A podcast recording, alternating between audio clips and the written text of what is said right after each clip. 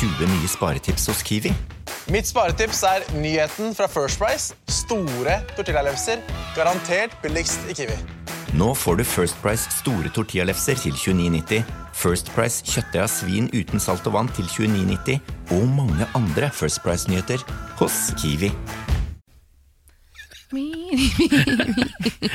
Du vet at jeg kommer med i Du vet at det dette er Den nye podkastintroen er at du sitter og nynner uh, på en eller annen låt vi nettopp Hva er det du hørte på nå? Var det Kygo Sei Nabo Sei. Ja, med Younger, ja. Ja. Siri er eh, redaksjonens største skapfan av Kygo. ja. Har du Det lagt merke til det? Du sitter nesten alltid og synger på noe Kygo. Ja. Eh, This Town er min favorittsang. Ok. Jeg er sponsa av Kygo. Greit, jeg er sponsa av Kygo. Tenkte jeg var rart om Kyrre Kjørvel Kjørvel eh, bestemte seg for sånn Jeg skal sponse noen. Han kan jo gjøre det. altså Fyren er jo nesten en egen, han er jo en egen planet, fyren. Han har så mye spenn og at eh, Jeg syns han kunne sponsa meg personlig. Men vet du hva, som, vet du hva du gjør hver dag, Ken? Mm. Nå, Du sniksetter eh, i gang podkasten. Ja. Så vi vet jo ikke, plutselig sitter vi her og snakker om at vi klør oss i rumpa. Det gjorde vi i går, forresten. Ja, Jeg vet ikke om det kommer på podkasten. Til dere som laster ned podkast og hører på oss, beklager eh, om dere måtte høre på at jeg og Siri klør oss i rumpa. Det er vår form for scratching. Hørt at det er inn blant kidsa nå. men altså Vi har jo lovet å komme med litt eksklusivt innhold i den podkasten. Det er derfor jeg sniksetter den på. Sånn at kanskje dere røper noe som dere ikke vanligvis ville ha sagt når dere ser at mikrofonen er på. Da kan jeg røpe at eh, vi fant eh, ut da at eh, enkelte dager så klør det mer enn andre dager. Enn andre dager. Ja. Dette kjenner jeg meg igjen i. Ja. Eh, Det er ikke en konstant kløe. Den går, den er, går opp og ned. Ja. Ja. Så det er, eh, men har dere noe annet å dele med våre kjære kjære podkastlyttere i dag? Må det være klørelatert? Nei, helst ikke. Absolutt ikke. ikke. Så lenge det er eksklusivt. Jeg kan eh, røpe at akkurat nå, eh, per tidligere i dag, så har jeg 11 732 kroner på konto. Har du fått lønn? Nei, ja, det fikk lønn for en uke siden, et par uker siden. Oi, ja. Så det er ikke så bra, men det er, det er det jeg har, da. Ja for det er, jo en ganske- sliten, det er i hvert fall to-tre uker til du får lønnen ja, igjen. Det er egentlig ikke så bra, det der. Okay. Du skal ha 11 000 nå i tre uker, men da har du betalt husleie, telefon, Ja. alle de tingene der. Ja. Elva, her, hva spiser du for uka? Jeg, hva jeg spiser for uka? Ja. Eh, Jeg bruker uhorvelig mye penger på mat. Så- altså, Jeg spiser jo nesten ute hver dag. Eller på Ja. Foodora. Men du har men- 4000 kroner i uka da nå, cirka. Ja. Det Jeg mistenker at han har brukt litt mer penger på enten alkohol eller mat, eh, nå som det går dårlig med Manchester United. Det stemmer. Eh, overspiser og overdrikker når det går dårlig med mitt lag. Litte grann, da. Ikke sånn at det er noe vits å begynne å ringe noen. eller sånn Da syns jeg du skal gjøre det som jeg gjorde første gang jeg flytta hjemmefra. Flytta til uh, Mysen for å bli møbelsnekker. Nice. Da kokte jeg opp en tilitersgryte med løksuppe, for det syntes jeg var så godt. For det serverte vi på uh, den, uh, det gatekjøkkenet jeg jobba på, på Storosenteret. Eh, som jeg ikke husker hva heter. Eh, Ti liter løksuppe går ganske fort å lage, og så fryser du ned eh, i sånne porsjonspakninger. Og så spiser du løksuppe herfra ut. Så det du mener er at jeg skal spise løk Du skal spise I kokt løk. Det er ikke noe lukt på kokt løk. Jeg skal spise løk i tre uker? Du skal spise løksuppe i tre uker. Så kan du godt legge en toast på toppen. Ja, da snakker vi om å klø seg i rumpa, da. Hvis en måned. Nei, vet du hva, nå, nå tror jeg vi Nei, gir nå oss. setter vi i gang. Ja, skal vi sette i gang podkasten, eller var det noe mer, Siri? Ja, en oppskrift, men eh, Løk, løk løkoppskrift. og vann. Jeg kan ta det på, vi kan ta det på privaten. Jeg er ferdig. Her er, her er podkasten vel bekommet. Det er eh, altså kvalitativt høyere eh, nivå på innholdet i podkasten enn det var på denne praten. er det ikke? det? Mm. Delvis. Kygo. Ja. Kygo. Dette er morgen på Radio 1. God morgen, Siri. God morgen. God morgen, Samantha. God morgen. Har dere det bra, eller? Veldig bra. Ja. Det er turbotirsdag. Kjenner Og dere det ikke går lufta? unna så langt, iallfall. Eh, Det er det ikke noe tvil om. Eh, Noen som har allerede klart å gjøre noe spennende i løpet av dagen. Oi, eh, nei, men jeg har en litt rar dag i dag, fordi jeg skal på et sånn eh, festlig arrangement litt senere i kveld. Eh, og jeg måtte liksom kle meg for det i dag morges, og, og klokken kvart på fem ta på seg liksom Finstasen. eh, Ja, strømpebuksa og Pia Sølta-kjolen føltes bare litt sånn eh, det, Ja, og også en gigantisk ullgenser utafor. Jeg må innrømme at når jeg gikk nå over Jernbanetorget, så følte jeg meg litt som Sånn som jeg har sovet ute i natt. For det var sånn Sånn følte jeg også det. Fordi jeg skal også noe etterpå. Altså Det er ikke noe festlig arrangement, det er egentlig bare et møte. Men jeg følte bare at eh, ok, jeg må i hvert fall prøve å liksom eh, ta på meg noe sminke eller ta på meg noen klær som jeg føler meg veldig ettersending også. Ja. Så jeg følte også at eh, For jeg har jo sånn fuskpels, Ja. og så har jeg på meg et skjørt, strømpebukser og støvletter. Det føles sånn Oi! Ja, følte at du skulle på en helt annen type jobb. Ja, ja. Yes. Ja, men Den eh, skjønner jeg. Det er jo et eller annet med at så tidlig på dagen, eller midt på natta, som nesten noen vil mene at det er, Ja. eh, så er det jo egentlig bare enten liksom eh, undertøy eller pysjamas som er naturlig. Det føltes litt som walk of shame på vei til jobb. Selv om jeg vet jeg har vært hjemme og sovet med bikkja, ungen og mannen, og det er ikke noe shameless over det. Der ser du allerede skjedd masse spennende. Men det vet ikke andre. Hæ? Andre Nei, vet ikke at du har vet sovet hjemme med mannen De tenker at jeg er til salgs. Ja. Jeg titter litt på eh, riksavisene våre, eh, forsidene på de. Eh, Det er Jensen-saken, Eirik Jensen-saken som, eh, som preger både Dagbladet og eh, VG. Cappelens mor bryter tausheten, sier VG.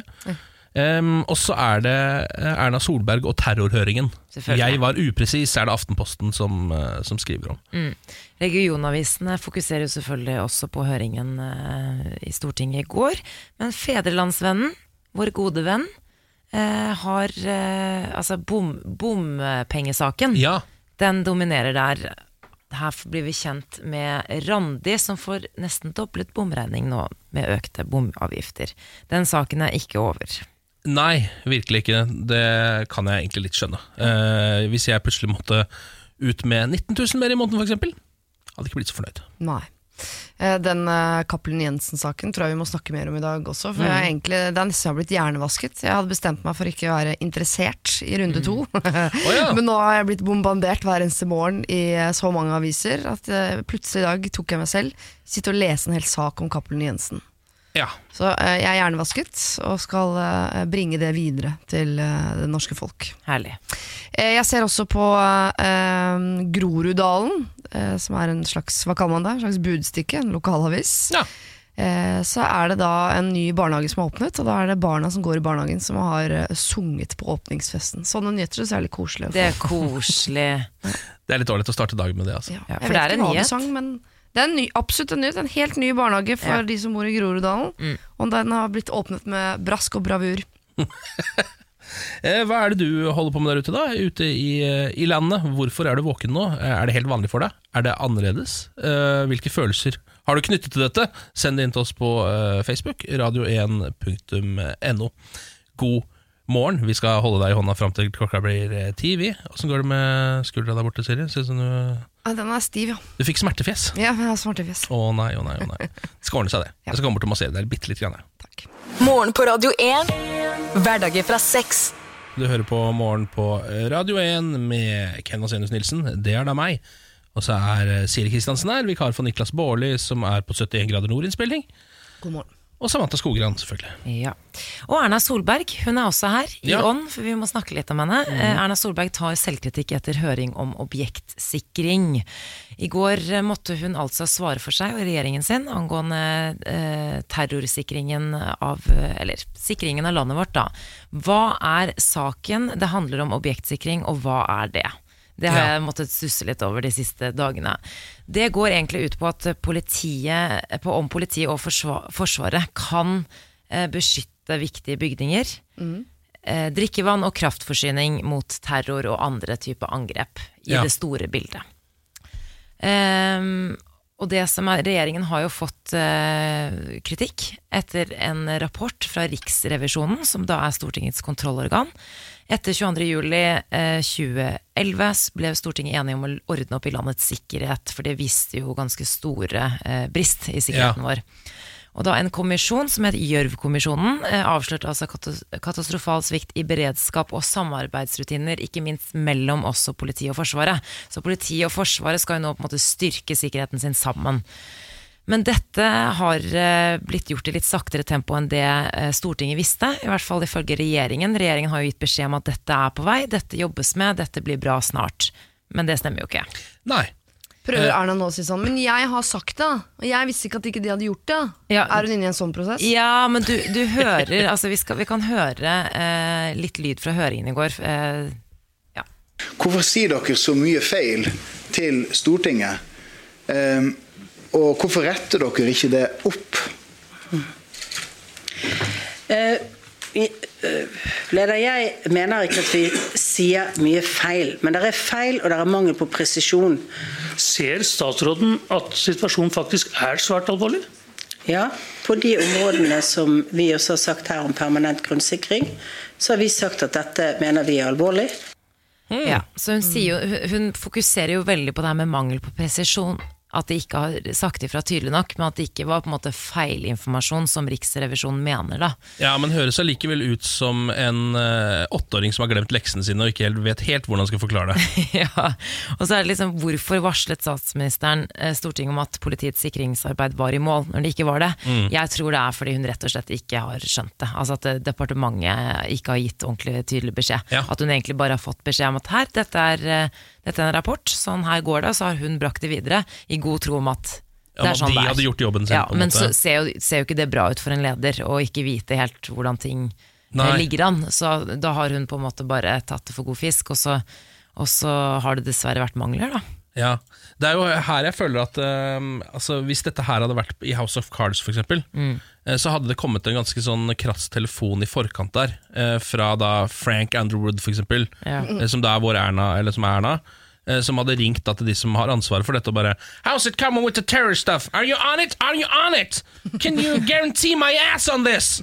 For det er sånn det må være. At Hvis ikke du kan garantere ræva eh, til den andre personen, så har du ikke gjort jobben din. og gjerne presidentens ræv. Det må jo være Ja. den øverste leders ræv. Den øverste ræva Ja, skal være tørr. Mm. Men det er jo mange som mener at nå at, hun, eh, at regjeringen rett og slett er litt arrogante.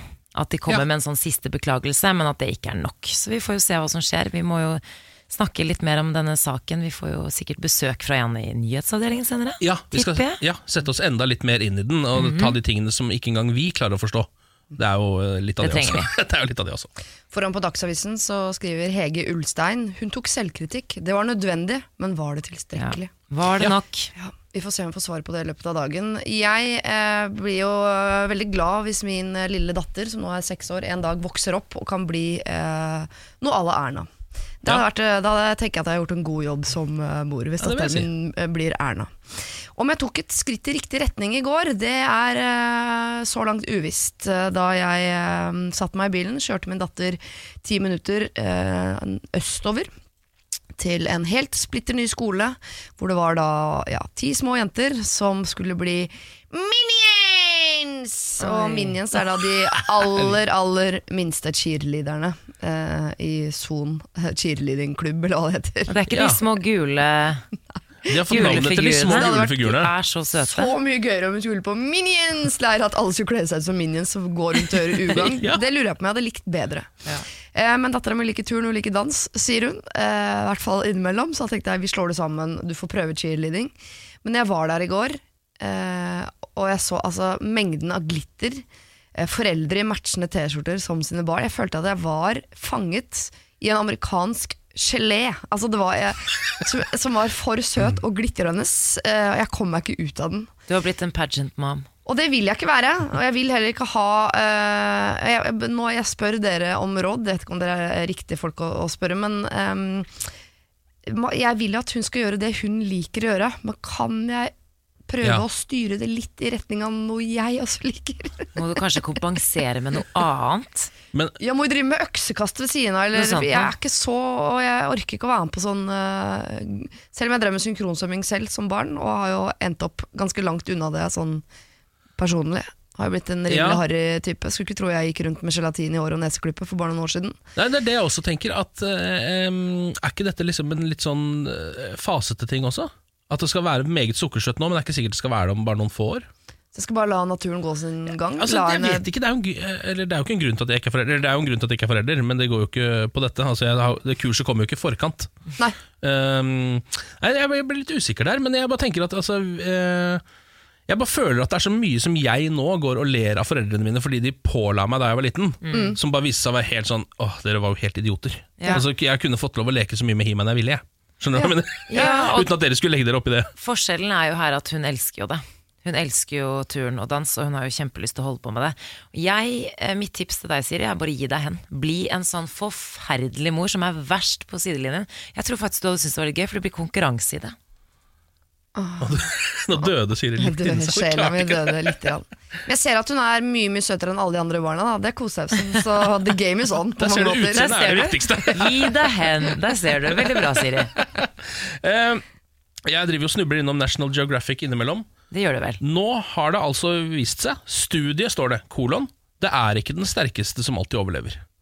Eh, og dette er jo noe vi på en måte har bygd hele eh, evolusjonens Altså Darwin? Ja, hele evolusjonsteorien vår på. At den sterkeste overlever, og sånn er det. Men nå har de altså da eh, studert 300 ulike bløtdyr. Og funnet ut at høyt stoffskifte, altså mye energi, eh, fører til en tidlig død. Så de som veldig ofte overlever, er altså de lateste artene. Eh, Nei. Jo. Nei, men det handler jo om de som er rolig nok til å klare å holde hodet kaldt i en krisesituasjon. Vi kan ikke alle være Jarle Andøy, liksom. Nei, nei, eh, det er sant, men, eh, men det, er da, altså, det, viser seg jo da rett og slett at de som legger for mye i det, Ja. strever for mye, gjør for mye, de dør oftere ut. Um, og dette her er da altså 300 ulike bløter som har levd i Atlanterhavet de siste fem millioner årene. Ja. Så det er jo nesten hele evolusjonen er jo inni den. Men dette er veldig bra forskning for streberne anno 2018. Ja. Slapp av! Ja, alt er trenger ikke å være perfekt, og du trenger ikke å få eh, bra karakterer i alt, og være best i klassen, og være pen og ditten og Drit i det! Det ser du, det er forskning. Vet du hva? Det tror jeg er akkurat det de trenger. Ja. Er noe forskning eh, å kunne basere avslapninga si på. Altså ikke ha så spisse albuer. Kan runde de av litt. Runde ja litt. Ja, Eh, du kommer til å leve lenger, eller i hvert fall din art. kommer du til å holde det gående ganske lenge, da. Det Ken, følte du at denne nyheten var gode nyheter for deg? Ja. Ok, bare lurte. Ellers så hadde jeg ikke trukket den fram. Nei. Nei. Eh, Men det det- er veldig, der du ser det i diskusjoner også. De som bare peprer løs, peprer løs, peprer løs. De vil på de skal ha kred for at de liksom hiver seg inn i debatten, men på et eller annet tidspunkt så sier de noe feil, så blir de halshugd. Ja. De som holder seg litt i bakgrunnen, lener seg bakover i sakkosekken, observerer debatten, så kaster seg inn med én sylskarp eh, eh, kommentar, vinner debatten. De er altså det beste bløtdyret. Og, det er, og vi kan ikke kreve noe mer, bare vær det beste bløtdyret du kan være. Morgen på Radio 1. Jeg har fått en eh, melding på min private Facebook. Som havna i det der eh, litt rare filteret. eh, Det er et slags spamfilter. Meldingsforespørsler? sånn- Meldingsforespørsler. Ja, meldingsforespørsler. Eh, men eh, jeg var innom der og sjekka her om dagen, og der lå det jaggu en melding fra Ken Knight. Altså min navnebror Ken Knight. Ja, kulere etternavn enn det, Ja. Selv om Vasenius er vanskelig å slå, men Knight Men Knight, dere. Mm. det slår Vasenius. Eh, den meldingen fra Ken Knight starter sånn her. I really like your radio show Morgen på Radio 1. I don't understand nearly enough norsk yet. But you guys sang the theme song to Airwolf, and I was immediately in love. det var jo noe du starta. Ja. Eh, You're welcome. You're welcome, ja. I am a Japanese professor in Washington, D.C. And hope to uh, completely understand your brilliant show soon. So I will keep listening to it. Takk for being very cool. Great hat collection, by the way. Hilsen Ken Knight. Er ikke det vidunderlig? For et sammensatt menneske. Ja, det er helt fantastisk. Altså Han er japansk professor, bor i Washington DC. Washington DC, men hører på norsk morgenradio. Ja, og er spesielt uh, glad i oss fordi vi sang Airwolf eh, theme song. Og heter Ken Knight. Og heter Ken Knight. uh, Og har tydeligvis også da vært inne og titta litt på uh, vår Facebook-side. Eh, morgen på Radio 1 sin Facebook-side. Fordi der inne ligger det jo en video hvor jeg viser fram hodeplaggsamlingen min. Og den synes han også var ålreit. Ja. Og han er japansk professor, må kunne sies er de smarteste menneskene i verden. Altså, Ja. det er jo, Det er nok- det er det Russerne prøver, men Japan drar fra. Og se Ja. på James Bond. Hvem er smartest? Japanske professorer. Hvem er slemmest? Russerne. Ja. Eh, Jeg tror ikke det fins så veldig mange smartere mennesker i hele verden enn Ken Knight. Altså en japansk professor i Washington DC som etter å bare ha sittet og eh, på en måte hørt litt på oss i bakgrunnen, så har han tydeligvis lært seg en del norsk. Jeg regner med å skjønne hele programmet. Ja, Snart kommer han til å skjønne hele programmet. Eh, Jeg kan ikke se for meg at han har hørt på oss mer enn en. Si et måned, da. Ja. En måned til, så kan Ken Knight sannsynligvis norsk. Så har han verdens kuleste navn. Ja, Ken Knight, if you're listening uh, Kan ta det på norsk, han skjønner det. Samantha is pregnant. I'm just here to Hva er vikar på engelsk? Substitute. Substitute. eh, Substitute, uh, Niklas Borley and Ken. Yes. Yes, cheers. This is usually a guy Niklas Baarli here, but he's on 71 degrees north Yes, yes, yes, yes. right now. Yes. Det er deilig. Apropos 71 grader nord og uh, Niklas Baarli. Jeg leste en uh, nyhet i Dagbladet på senga i går uh, som kunne fortelle at Norsk Filmforbund kan bli tatt ut i streik. Ja. Og eh, 530 medlemmer fra Norsk Filmforbund, og en av grunnene til det er at TV-arbeidere tjener 25% under gjennomsnittet i Norge. Det er en ganske ekstrem situasjon, som betyr at dette er folk som i fremtiden ikke kan stifte familie fordi de rett og slett ikke har råd. Og da kan det altså i første omgang eh, gå utover en del TV-produksjoner som er under produksjon nå. Eh, det nevnes eh, Farmen og Stjernekamp, eh, Skal vi danse og Heimbane og andre produksjoner. Ja. Eh, 71 grad nord er en produksjon som er eh, nå, det vet vi jo. Eh, og jeg ser for meg nå en eh, allerede litt sliten Niklas Baarli som plutselig får beskjed om at jeg vet dere er sliten, det er kaldt og det blåser og det ligger et telt på toppen av fjellet her. Bare bli liggende her lite grann, for at nå uh, har vi tatt ut folk i streik. Så eh, vi har ikke sikkerhetspersonell til å få dere ned fra fjellet her. Og om vi så hadde fått det til, så er det ingen som er her og kan filme dere eller uh, ta opp lyd. Ikke er da- matforsyning heller. Nei, så vi gidder ikke. Vi setter bare alt litt på pause her oppe nå. Og Og så får dere kose dere så godt dere kan. Det er veldig bra Bårli, at du klarte å bestige Jotunheimen. Uh, vi har filma det, men det er ingen som kommer til å få se det. Bare så vet det uh, Fordi det er ingen som gidder å klippe dette. Alle Eller kommer ned, og kommer fram til 71 grader og sier sånn sorry, sorry, sorry, sorry, sorry, sorry. Vi har ikke filma. Dere må, tilbake, Gjør det på nytt. dere må tilbake til Lindesnes. Det var en veldig bra prøve. Nå, denne gangen, Vi lover å ta opp denne gangen. Du har jo vært med på 71 grader nord, Siri. Det har jeg også. Eh, Jeg syns de, de som går trasker rundt med sånne tunge kameraer, og går etter oss som sutrer, og altså i 12, 13, 14, 15, 16 timer, Ja. de fortjener bedre. Helt, Ja, de går ikke bak engang. De løper ofte baklengs. Løper de foran deg baklengs med tung kamerarigg for å filme at du går og sutrer og at du ikke har fått polarbrød på snart 25 minutter. ja, Og det må jeg også si at veldig mange av de mest joviale menneskene jeg noen gang har møtt, ja. går, er de som bærer på disse kameraene. Og lydteknikeren òg. Ja, det er veldig ofte jeg tror veldig jeg var flotte folk. forelska i mellom 9 og 11 stykker. ja. Var de 20 minuttene jeg var på 71 grader nord. Ja, det skjer, merkelig nok. Når du drar på tur isolert, så får du sånne crush på øh, de rareste menneskene. crush på crew. Ja, Snille på menn crew. med skjegg som bærer tungt, er opptatt Ja. av eh, deg og din sikkerhet. Og når du er eh, underernært og syns synd på deg selv, det taler til så mange sentre i kroppen. Ha, kanskje det er derfor det er litt dårligere betalt. Jeg skjønner jo at det er altså mange andre goder ved jobben. da Absolutt. absolutt. Gale drømmer. Jeg drømmer jo ganske mye rart om dagen. Og da jeg hadde min faste ettermiddagslur eh, i går, så eh, drømte jeg at jeg og Emil, kjæresten min, ble venner med The Kardashians. Så satt vi rundt eh, kjøkkenbordet deres og prata, som de pleier å gjøre på i serien eh, sin. Ehm, endte også opp med at eh, Emil leide en heli et helikopter. Eh, Hva skulle med det da? Fløy, nei, vi skulle bare brife litt. Altså, Ja. foran, altså fløy vi bare rundt på eiendommen deres, bare for å på en måte vise at vi er dere Ja. verdig. Ja. Ja. Um, Ikke akkurat mareritt. litt.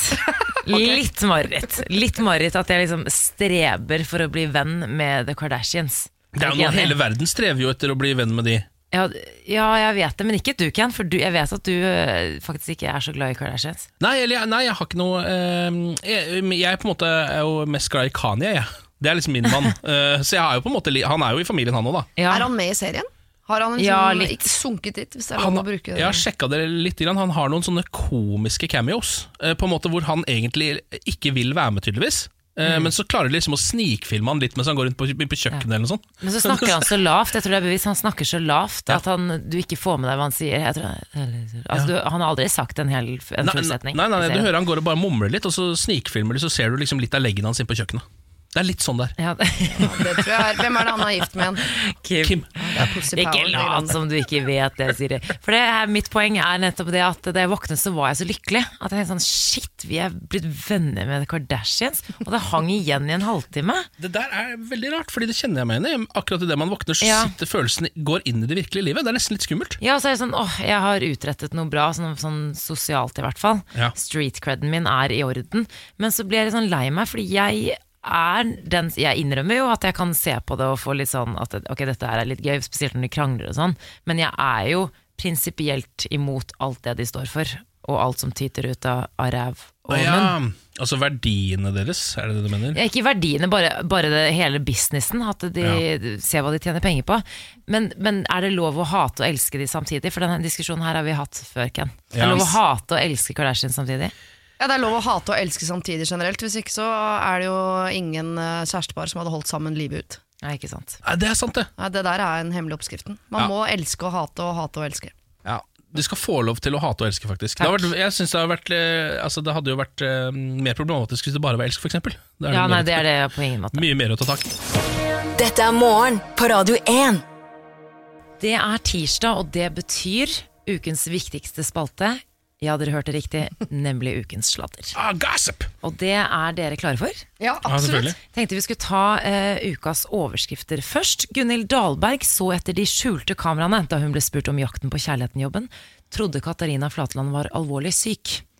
Fordi hun skjønte ikke hvorfor hun fikk spørsmål om jobben, rett og slett. Altså, øh, 'Jakten på kjærligheten' er Gunhild Dahlbergs favorittprogram gjennom tidene. Den jenta snakket om jakten på kjærligheten eh, nonstop siden jeg ble sendt med henne for 100 år siden. At Det virker som det er, har vært det viktigste i livet hennes. Herregud, for en drøm! Altså, det da er jo som jeg det. når Katie Holmes ble sammen med Tom Cruise. på en måte altså, Det er for godt til å være sant. For Katie Holmes sin del. Ja, hun elsker Tom Cruise som barn, hadde plakater på rommet. Plutselig prikker han henne på skulderen og sier 'wanna fuck'? Eller noe annet. Vet ikke. Ellers så har vi andre overskrifter fra Norge. P3s Markus Neby er singel, bekreftet brudd på lufta. Og så har vi da gode gamle Mel B, Melanie B, tidligere eh, Ja. Spice Girl, som har nå sjekket inn i rehab for alkohol- og sexavhengighet. Var det Sporty Spice, eller var det hun Det var Scary Spice. Scary. Scary Spice? Men hun har, gjort, eh, hun har jo fått barn med Eddie Murphy og Lurt. har blitt eh, dommer på amerikansk Idol, så hun har jo hatt på en, måte en, en litt større karriere i USA etter hun var ferdig med Spice Girls. Men det var både alkohol og sex. Mest sexavhengighet, men Ja. også litt, litt alkohol oppi der også. Det er rart hvordan de to tingene virker som at de eh, ofte går hånd i hånd. Jeg skjønner ikke at sexavhengighet er et problem. Eller Nei, nei, nei, nei, jeg, når jeg, blir det et problem? jeg, er ikke, jeg er ikke helt sikker på, men jeg tror helt på at det er noe som fins. Nei. Jeg tror det er bare folk som har veldig lett tilgang på sex, f.eks. Mel B eller Charlie Sheen, eller andre folk som er kjendiser og har veldig mye penger, og veldig mye dop og veldig store leiligheter. Ja, hvis det går utover familien din, at du klarer faktisk ikke å styre deg fra å ligge med andre mennesker, hvis Det er jo går det det utover er. familielivet, da skjønner jeg at uh, ektefelle ønsker at du går på en slags rehab. Ja, Vi, må, vi pleier alltid å ønske noen god bedring i ukens sladder. Uh, I, I dag er det Melanie B. Ja. god bedring. Sommerkropp-Mats måtte bryte sitt eget løfte. Nå er han merket for livet. I mai debuterte Mats Hansen, kjent fra Sportsklubben i VGTV. Ja, og og også tidligere Ja ja, men altså Dette er sladdespalte. Ja Ja, ja, ja, ja. Vi må tenke på publikum. Eh, også fotballspiller. Eh, han debuterte altså som artist etter å ha tapt et veddemål mot eh, tidligere hockeyspiller Erik Follestad i VGTV-programmet Sportsklubben. De to hadde munnen fylt med vann mens de fikk opplest vitser, og den som ikke klarte å holde vann i munnen, måtte skrive en sommerlåt. ja, ja, Derfor ja. fikk Mats Hansen hjelp av Stian Staysman og en liten gjeng til å skrive låta 'Sommerkroppen', som harselerer med kroppspress og kosmetiske inngrep, for de som ikke har skjønt det. Eh, og hvilken plassering denne sangen endte på, det var også da et nytt veddemål, da. Hvis den endte på topp ti, så måtte han ta Restylan i leppene. Hvis, altså, han hadde sånn nytt veddemål gående, da. Hvis Dersom sangen ble nummer én på Spotify i Norge, så måtte han ta en tatovering på ræva. Av topplasseringen. Altså, Så du ja. nummer én på ræva Ja, det står de tre topp altså top tre sanger på VG-lista, da, eller Spotify. Ja. Måtte han da tatoverer på ræv, og det har han jaggu meg gjort. Eh, han hadde også i tillegg da en livestreaming over hele helga eh, av en sånn slags sommerturné. Jeg vet ikke om han endte opp i Jessheim, eller hvor det var han endte opp da, men han også da tok denne tatoveringen. Så nå har han en tatovering av eh, sommerkroppen som nummer én på ræva. ja. eller Av Eh, alle veddemål, liksom. Det der, jeg vet ikke om jeg skal si om det gikk galt eller om det gikk bra. Eller, men det jeg, liker, det jeg liker med Mats Hansen, er at han er såpass ærlig på Du må ikke finne på å la meg synge live. Jeg skal aldri mer gi ut musikk. Nei. At han ikke nå blir så bitt av basillen at han liksom at han plutselig skal gi ut mer musikk og skal playback. Nei, det driver ikke jeg med. Han Ah. kunne jo tatt av, liksom. Han har tatt av. Han har tatt fullstendig av, og jeg mener han er bitt av den basillen så langt at han ikke vet hvor det bitemerket er engang. Så du tror det kommer en Sommerkroppen volume 2? Nei, det kommer noen flere veddemål, fordi å, jeg- går på det her hver gang. Veddemål på veddemål. Å, jeg må være på Skal vi danse, jeg tapte et veddemål. Ja, ja, ja. Nettopp. Det er veldig bra triks, egentlig. Bare si at alt er veddemål. Alt Så er er det, du står ikke inne for noe selv. Det er bare nei, det ble bare veddemål, det. Og jeg hater oppmerksomhet. Veddemål! Å, Å, nei, å, gud! nei. Du, Vi skal avslutte med litt svensk gossip. Lover Gunilla-bråk i svenske Hollywood-fruer. Eh, Selv om Åsa Westerlund ikke er med i årets sesong av Svenske Hollywood-fruer, så dukker hun opp i årets sesong likevel, og da kan hun love at det blir drama. Åsa Westerlund er altså kjent eh, fra Svenske Hollywood-fruer, sammen med Gunilla Persson, som nylig var i Norge for å være med på Firestjerners middag. Veddemål! Oh! Ja. og de har gjentatte ganger sjokkert seerne eh, sine gjennom høylytt drama og krangler. Jeg tenkte vi kunne ta et lite tilbakeblikk eh, nå eh, i håp om at det blir drama i de kommende episodene. Tilbakeblikk til en krangel hvor de sitter på en brunsj sammen med to andre fruer, eh, hvor da Åsa anklager Gunilla for å fatshame venninnen hennes. Hør på det her. Ingen kaller mine kompiser for feta. Fattar du eller? Men hvorfor slutter du inte Hollywoodfruar för då? Derfor ingen sier til mine kompiser at de er feta. Fattar du? Get er you're not welcome. Du, om det någon... You're not the star of this show. Jag har aldrig sagt det. Jag sagt det heller. Ja, det er veldig gøy. Dette her var en gammel episode, altså. Men i et ferskt intervju med svenske Ekspressen så eh, kommer Åsa med et lite stikk mot Gunilla. For i mai så ble Gunilla tatt for å stjele et par eh, eksklusive solbriller Ja. i Beverly Hills. Og hun mener at det, eller altså hun lover at det blir drama ut av det nå i de kommende episodene, da. Det er noe av det beste reality-TV som noen gang er skapt. Er altså svenske Hollywood-fruer. Eh, Gunilla Persson er et funn. Ja, vet du hva, jeg kan være litt enig, jeg kan være litt enig i det. Kan jeg, kan jeg få lov til å avslutte med et lite lydklipp? Ja. Vil gjerne avslutte med et lydklipp fra da Gunilla faktisk fatshamet venninna til Åsa da hun ble kastet ut av en dog brunch.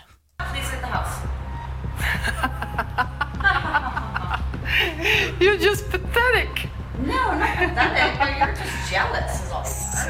Of what? The fatso? Like you? You look at those legs. You think I'm jealous? that was the funniest thing I heard in a long time. Det er så gøy når du skal si Persson, we love you. Jeg synes det er så deilig når du skal komme med sånne Clint Eastwood-aktige sitater, og så klarer du liksom ikke helt å naile aksenten. Da blir det ekstra Funniest komisk. Yippee-ki-yay, motherfucker! Det blir liksom det er et eller annet helt feil med det, liksom. Dette er morgen på Radio 1. Dere vet når eh, Det har vært mye snakk om en sak i nyhetene. Alle snakker om det. Du er med på praten sjøl. Og så på et tidspunkt så tenker du sånn «Ah, Jeg vet ikke egentlig helt hva den saken dreier seg om. Jeg eh, lirer av meg noen navn og noen meninger og noen greier, men jeg er ikke helt inni det. Ja. Hvis noen hadde kvissa meg nå om dette her, så hadde jeg driti meg ut. Og da har man jatta med så mye at det er for seint å snu. Det er For folk absolutt tror du kan denne saken ut og inn. Og da er det så deilig å se at Cappelen Jensen-saken nå er inne i sin runde to, for da er det jo mulig på en måte å hive seg med på runde to, eh, lese lite grann og late som han har vært med hele veien. Ja. Og det skal jeg hjelpe til med nå. Det er mest eh, selvhjelp, eh, men det er også eh, en service til Ja. deg som hører på. Eh, Jeg skal gå gjennom de eh, punktene som eh, gjør at Jensen sliter i denne rettssaken. Okay. For det første så er det Cappelens forklaring. Altså denne hasjsmugleren Gjermund Cappelen. Han har sagt, altså han sier at han har samarbeidet med Jensen om å smugle hasj inn til landet. At Jensen har hele tiden gitt han informasjon han trenger for å unngå å bli tatt av politiet. Jensen sier jo selvfølgelig at det er vås, sludder Og eh, og pølsevev. Videre så har vi disse SMS-ene. Det er eh, sendt 1399 tekstmeldinger mellom eh, Cappelen og Jensen. Og eh, de fleste av disse meldingene er jo på dette blomsterspråket, som de kaller det. Altså De har snakket i koder, hvor de bruker da ulike sånn blomsterreferanser. Og da sier jo da Cappelen at dette har vært kodespråk for at de skal forstå når hasj kommer til landet, om det er klar sikt eller ikke. Mens Jensen sier at nei, dette er kodespråk vi har brukt oss imellom, men som jeg har brukt, eh, fordi han er min informant. Så kodespråket er på en måte for å eh, beskytte Cappelen, sånn at ikke han skal bli busta av sine eh, hasjsmuglervenner. De prøver i hvert fall ikke å si at vi snakka bare om blomster. Eh, fordi det er jo sånn jeg har sett på de meldingene Det er sånn Ja, solsikken står høyt på veggen i dag. Eh, Ja, det, er, det er veldig mye værprat. Ja, det er Veldig Vær mye værprat. Ja. Det hadde vært mye søtere om de to hadde stått fram som elskere. Altså, sånn, vi, er, vi er opptatt av blomster. Sånn er det bare. Det var gøy, det var gøy. Ja, mye morsommere. Og videre, resten av bevisene går egentlig på økonomi. At Jensen har hatt uh, urovekkende god økonomi til å være uh, politimann. Han har pustet opp badet for veldig mange tusen, som han ikke kan forklare hvor kommer fra. Han har hatt et forbruk som ikke tils, uh, altså den eh, står ikke eh, i stil til hans inntekt. Og så har han hatt noen kontantinnskudd på eh, kontoene sine, som er også helt drøyt store, som han ikke kan forklare hvor kommer fra. Han eh, fikk en eh, veldig veldig dyr klokke, en jeg vet ikke helt uttalen på dette, Tag Høyer. Ja. Tagør. Ja, Tagør, er det sant? Åh, det er så flaut at man lærer sånt seint i livet. Jeg husker jeg trodde at Paugot var noe annet enn Peugeot i mange år.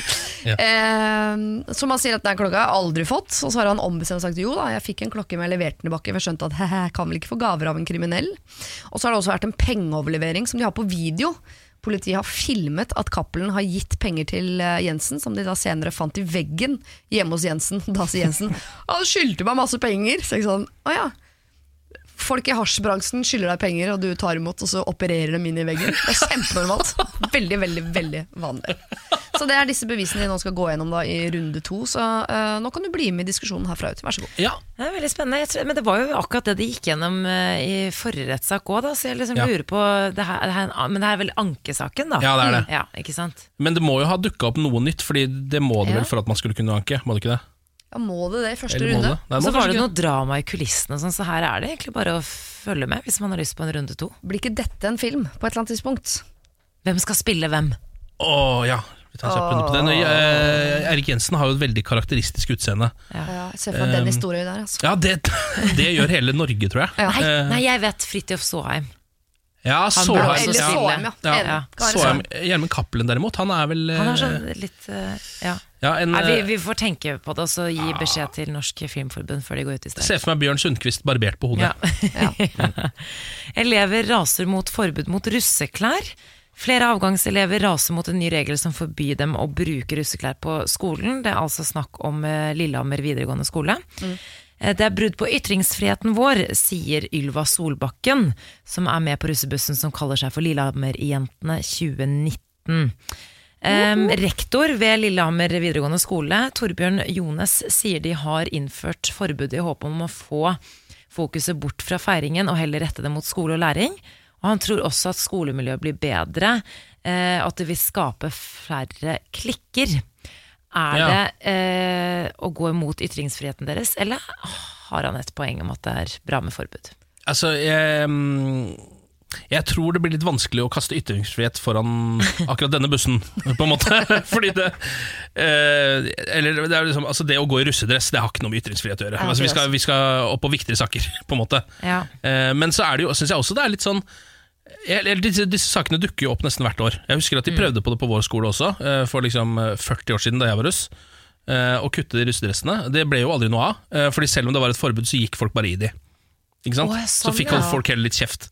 Fordi det er jo et eller annet med at den russetida der er litt Den er jo fortsatt litt sånn hellig her i landet. Mm. Og det kan jeg egentlig litt skjønne, Fordi det er ikke så lenge, da. Det er et par uker. La han, la holde på i de to ukene. Jeg skjønner at det året hvor de altså For det første vil jeg si at eh, rektoren her gjør en strålende jobb. Det er hans oppgave som Ja rektor å være opptatt av læring og ikke av russetid. Ikke sant? Og det er jo en litt sånn uh, tapt sak, det der russetidssaken, selv om den er jo ikke tapt, for de vinner jo hvert år. Men det er bare russ som er opptatt av russ, og bitte små barn som er opptatt av russekort. Ja. Det er ingen andre, altså Året etter russetida så tenker man at herregud, for noe vås. Så man har jo eh, store deler av befolkningen mot seg. Ja. Men når man er midt i det, så er det det viktigste i hele verden. Og jeg skjønner at det føles urettferdig at nå har vi feira russetid i mange mange generasjoner. Akkurat det året jeg ble russ, nei, da fikk vi ikke lov lenger. Ja. Det skjønner jeg Ja. at føles altså så enormt Urettferdig. Men det hadde jo vært deilig om bare fikk satt en stopper for de greiene her. Altså, tenker jeg, det, det lukter jo også. Jeg tenker det er mer sånn eh, for de som eh, lærerne også. Det, det stinker jo av de russebuksene. Ja, ja. Det er en grunn til at man øh, går i de akkurat i russetida. Det er jo fordi at de skal kunne spys på. Og vaskes kjapt. Vi jeg synes man kan ta en eh, test på sånne ting. Hvis det er vanskelig å forklare folk fra andre land eh, et konsept, så er det fordi konseptet er ræva. Russ er jo det vanskelige konseptet Prøv- vi har. Ja, det er Prøv å forklare det. Prøv å forklare det for Ken Knight, for eksempel, altså vår japanske professor som sitter i Washington og hører på. Bare prøv å ta det kjapt på engelsk. da da. tar jeg det på norsk. Da. Det Ja. er masse folk som eh, før de er ferdig på skolen, så feirer de at de er ferdig på skolen så hardt at mange av dem ikke blir ferdig på skolen. Det er et genialt konsept. Nå sitter Ken Knight og klør seg i huet. Han skjønner ikke noe av det konseptet der, for det er helt totalt idiotisk. Morgen på Radio 1. Hverdager fra seks. Um, og nå eh, skal vi snakke om Erna Solberg, statsministeren, som eh, får kritikk om dagen. Flere opposisjonspartier mener at Erna Solberg feilinformerte Stortinget da hun forsikra om at terrorsikringen av viktige bygg var på stell. Jeg har vært upresis, sa Erna Solberg selv i en høring i går, og innrømmer at hun uttalte seg upresist om status i arbeidet om, med objektsikring. da da hun møtte i en høring i mars 2017. Eh, Dette her er litt sånn komplisert stoff, så til å hjelpe oss med å skjønne denne saken bedre, så har vi henta en eksperthjelp fra en kollega her på huset. Kjetil Kjær Andersland fra Radio Norge-nyhetene, velkommen. Takk for det. Kan du gi oss, hvis det er i det hele tatt mulig, en litt sånn kjapp oversikt over denne saken? Dette er dessverre fryktelig komplisert, men Ja. det begynner jo litt egentlig med 22. juli. Dette er på en måte etterdønningene av 22. juli, da man innså at eh, det var behov for eh, bedre sikring i forbindelse med terrorfare. Da. Mm. Og det gjelder jo egentlig to forskjellige ting. Det gjelder både politiet og Forsvaret, som har selvfølgelig en masse bygg og anlegg som må være trygge, men så gjelder det også sånne helt vanlige ting. Som lederen i komiteen på Stortinget i går sa, altså det er vann i springen og lys i pæra og brød på bordet. Det er rett og slett ja. det vi tar for gitt i hverdagen. Helt Ja. vanlige ting. Vannforsyning og De primære eh, så- behovene, noen Ja. av de i hvert fall. og de kan jo også være terrormål, Mm. uh, i verste fall, og da må de også kunne sikres. Da. Så det er jo et svært kompleks av alle mulige ting i samfunnet vårt som trengs å sikres, som man fant ut da i forbindelse med 20, eller etter 22. juli. Og så vedtok Stortinget at dette skulle være i orden til 2015. Det begynner å bli tre år siden. Ja. Eh, og så har man jo da funnet ut at dette ikke har skjedd, og det har vært flere rapporter fra Riksrevisjonen, som da er en sånn kontrollorgan som skal sikre at alt blir gjort som det skal fra storting og regjering. Og eh, de har da konkludert i både en rapport fra 2016 og en rapport fra eh, tidligere i år eh, at dette ikke var gjort godt nok fra regjeringen, og at man ligger bak, og at man ikke har gjort det man skal gjøre. Ja. Og så har det jo da blitt eh, disse høringene som det heter, der man spør ut statsministeren, og det var jo det vi var vitne til i går, da.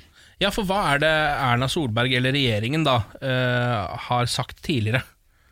Ja, altså Tidligere har de jo sagt at det ligger litt bedre an enn det faktisk gjør. Ja. er vel kort fortalt det dette dreier seg om nå. Så nå handler det ikke så mye om man har gjort nok, men om man har fortalt det man visste om. Man har fortalt hvordan dette egentlig ligger an, da.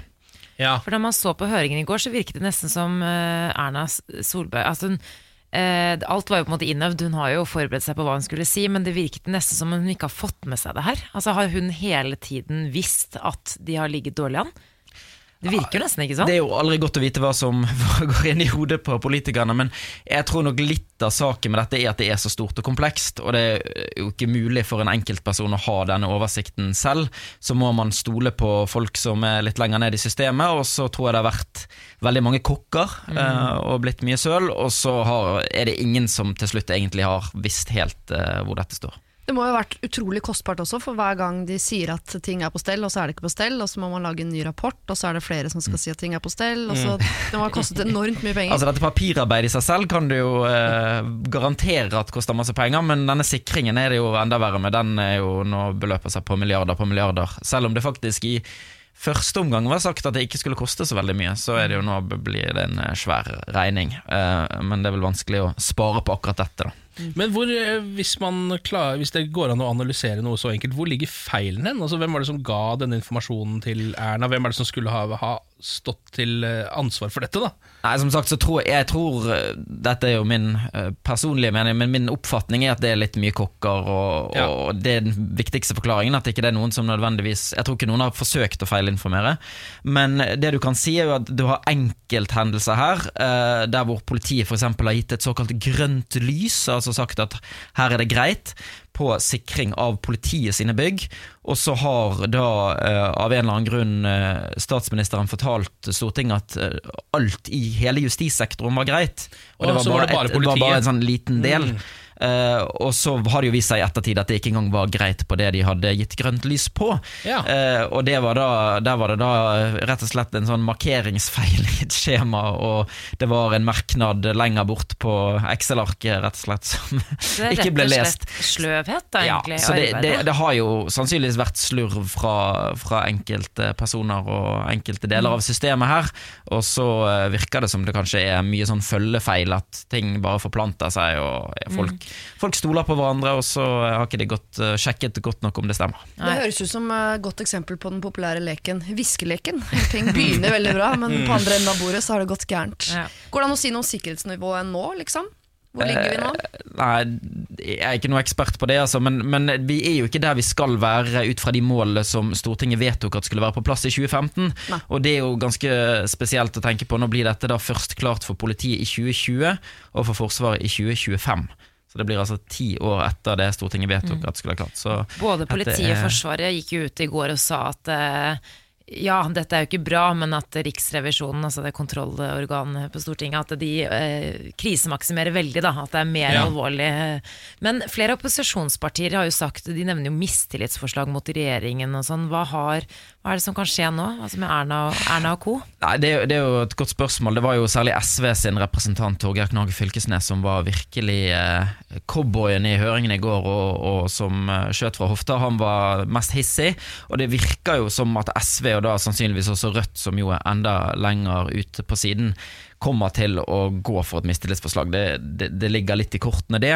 Men uh, det vil jo ikke bety så mye hvis ikke de får med seg flertallet på Stortinget. Og det ser vel ut uh, nå som at det ikke Eller det handler jo egentlig om KrF, da. KrF som stadig er på vippen. Men uh, det det skal vel litt til nå for Ja. at regjeringen må gå, altså. Men det er vel det som kan skje, da. At det blir stilt et mistillitsforslag. Ja. Må innrømme at Erna Solberg så litt nervøs ut under den høringen Ja, i går. gjorde det.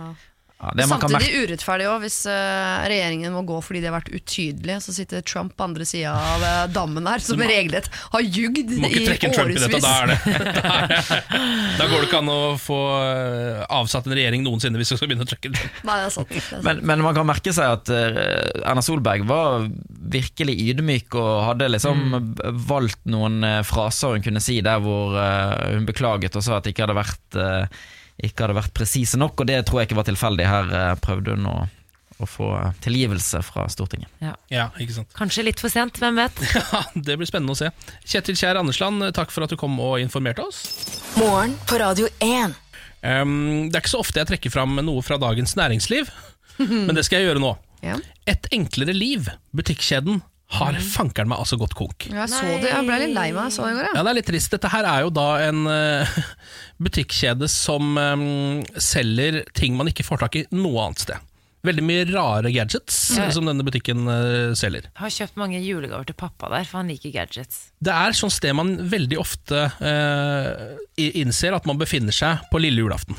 Ja. Så står man der inne og har, svetter og har full panikk, og så tar man med seg eh, f.eks. ergonomisk bøybar skje. Så gir man det til noen. Eh, det står her Selskapet bak Et enklere liv har hatt 200 millioner i samlet underskudd i løpet av tre år. Nå har styreleder måttet slå selskapet konkurs. Jeg kan bekrefte at vi har begjært oppbud, sier Tore Torstensen, da, som driver dette her. Um, de, vi kom oss gjennom eh, våren i år, men så er det da han, han sier jeg skal ikke skylde på varmen, men det er på sommeren det virkelig har gått til helvete for et enklere liv. Ja. Um, og det gjelder sikkert nesten alle som ikke selger alkohol eller is, har vel gått på en liten smell på sommeren, fordi det er ikke så mye annet man Og vifter, selvfølgelig. Ja, men, og den sommeren her har vi jo ikke behøvd et enklere liv, for det har jo vært så enkelt å leve. Man kan bare gå ut, og så er det det. Livet er der bare. Ja, eh, Men det vil jo si eh, at jeg nå, altså selv om de nå har gått konk, så jeg regner jeg ikke med at de har solgt ut alle varene sine nå. Jeg tipper at butikken er der oh, ja. fortsatt. Opphørssalg. Opphørssalg. Så nå er det bare å stikke av gårde. Eh, Jeg har laget en liste over ting jeg skal ha. Vil dere høre? Ja. Ja. Neglebørste med sugekopp. Negltørker. Det er det noe som heter. Men det er en liten, bitte liten føner som man putter neglen inn i, så tørker den neglen din. Veldig lur.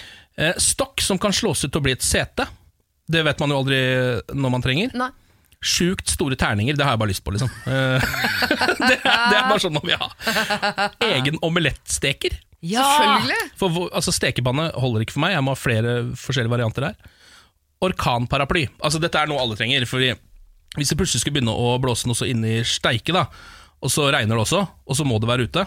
Da holder det ikke med vanlig paraply. Nei. Dette er altså en paraply som er em, laget sånn at den ikke bretter seg utover. Skjønner du? Den, Ah, den, vreng, den vrenges ikke, det er en orkanparaply. Man kan bruke den ved vanlig eh, vindstyrke også. Ja, det kan man faktisk. Må ikke være orkan. Nei, og den smart. siste tingen som jeg skal ha, eh, når jeg nå etterpå stikker innom et enklere liv, frisbee med høyttaler og lys. Men altså, da blir du bare livets mann, du, Ken. Bli livets mann. Jeg syns det er trist at det går konk. Jeg- Det der negletørkegreiene er faktisk ikke tull. For vi som har på neglelakk og sånn, eksempel. Ja, der ser du. Ja, Der ser det du. fikk jeg lyst på. Ja, jeg skal ta med en til deg òg, jeg. Takk.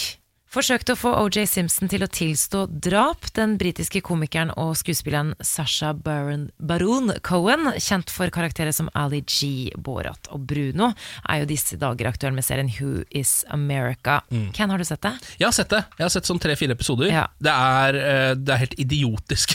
Ja, det er helt sjukt. Siri, Ja. har du sett det? Nei. Nei. Nei, Eh, det- konseptet går jo ut på at uh, Sasha eh, i kjent stil harselerer med eh, blant a andre høytstående politikere og lobbyister, og egentlig bare altså, alle mulige reality-deltakere osv., men, men altså høytstående politikere. Og Men i karakter. de. Han I karakter. ut- Altså, han lurer dem til at de Han tror at de er på et vanlig intervju, eller Altså trill rundt. Sarah Palin har jo også eh, måttet gjennomgå. Nå var det altså I den kommende episoden så er det OJ Simpson, tidligere fotballstjerne, eh, som ble anklaget for å ha drept ekskona Nicole. eh, Simpson og hennes venn Ronald Goldman, men eh, altså ble jo frikjent. Mm. Ja. Og, men må tapte jo da et sånn sivilt søksmål senere. Dette var jo en av de største ja. Dette her er nesten hele 90-tallet. 90-tallet oppsummert, den saken der. Ikke Og han sant? står med den hansken som, uh, han, uh, som ikke passer hånda hans. og Det så er deres ordresokk? Ja, ja. Eller Orderud er vår Simpson, kanskje. Ja. Litt mer sexy, vil jeg Mm, si, ja, den ja, ja. Simpson-saken. Uansett, eh, i forkledning som Gio Monaldo, en styrterik italiensk fotograf, tilbrakte komikeren ca. 3-4 minutter med Simpson. Og for første gang i serien så bruker de faktisk skjult kamera. Så her er det noen ja. etiske grenser som også Ja. ja, kommer på banen, da. Men uansett, så han eh, Og dette, for de som ikke har sett det, det er helt ekstrem pute-TV. Altså Når han prøver å lure politikere og sånn. Altså han, han er så drøy, da. Ja. Eh, veldig dyktig, men drøy. Og eh, det han gjør nå, er at han sitter der, han er sånn skikkelig fancy pants, sånn Prada-fotograf, som sitter der med en veldig ung, vakker jente, som da er kjæresten hans. Og så han liksom, sitter han og kødder om at han, ja, hun er så irriterende, jeg får lyst til å drepe henne av og til. Altså, Ja, foran sånn da, OJ? for å måte, ja, foran OJ, for, og så prøver å le og prøver å få ham med på spillet. Da. Og så eh, er det jo en artikkel her som skriver at han liksom du ser at OJ Simpson er på vei til å på en måte begynne å spøke om noe, eller være med på noe, men han får, det, han, får han ikke til å tilstå drapet, selvfølgelig. Men jeg bare syns det er så drøyt. Jo, men Det må jo faktisk altså, sies i dette at eh, noen år, for ikke så veldig lenge siden, eh, så lagde jo OJ sitt eget skjult kameraprogram. Ja. eh, som fins på YouTube, eksempel. Du kan finne det der. Og der har han blant annet så står han og er liksom bruktbilselger. Ja. Og står og skal selge den hvite Broncoen med kulehull i, eh, som han kjørte rundt i den dagen. I den, den man så på TV. Ja, Så Han har, der har han en slags skrudd form for selvironi på dette selv også. Ja. Eh, men da kunne jo han tjene pengene. Eh, nå er det jo ikke han som får disse pengene, så det er jo sikkert litt forskjell på det. Ja, men han, uansett så tilbyr han Han sier at han, da, han har en rik forretningspartner. Altså denne italienske fotografen, som da er Sasha Baron Cohen, sier jeg har en rik forretningspartner som eh, vil gi deg store summer penger hvis du forteller sannheten om hva som skjedde den kvelden med kona di. Hvilken kone, spør Simpson. Eh, hun som du skjøt? Hun som du skjøt? Vel, for det første, hun var ikke kona mi, vi var skilt. Og for det andre, jeg gjorde det ikke. Jeg slapp ikke unna med noe. Men de aller fleste vet at han hadde noe med det der å gjøre. Technicalities. Vel, vel. Godt forsøk, Sasha, men Mm. eh, det var en annen politiker som måtte faktisk gi seg, som måtte trekke seg fra jobben sin etter den episoden her. Så det her er jo, får jo konsekvenser. Ja, Det er veldig spesielt, det der, fordi Han var jo kjent som liksom Ali og Borat. Har Alltid vært god på karakterer, men nå har han liksom tatt det til et nytt nivå. Hvor Ja, ja, han ja, også på en måte feller maktmennesker ved å gjøre akkurat det samme tullet. Jeg eh, håper Kristian Valen at du hører på. Det er denne veien du skal gå. Er du sikker på Ja, det? du skal kle deg i kvinneklær og intervjue toppolitikere i Norge. Vær så god, Valen. Der har du ditt neste konsept eh, lina opp. Morgen på Radio 1. Jeg vil snakke om eh, valget i eh, Sverige, som jo driver og tilspisser seg. Mm. Eh, vi har jo snakket litt om det her i Morgen på Radio 1. Eh, og uh, Sverigedemokraterna, som jo er det vi liker å, å snakke mest om her, fordi det er de som er mest sjuke i huet. Altså, de er jo Frp på syre der borte. Mm, ja. Eh, og de har ikke vært ønsket på en del sånn TV-debatter og sånn, fordi sve eh, svenskene tenker sånn dere er, ute, altså, dere er helt ute. Dere får ikke lov til å være med på TV og snakke om meningene deres.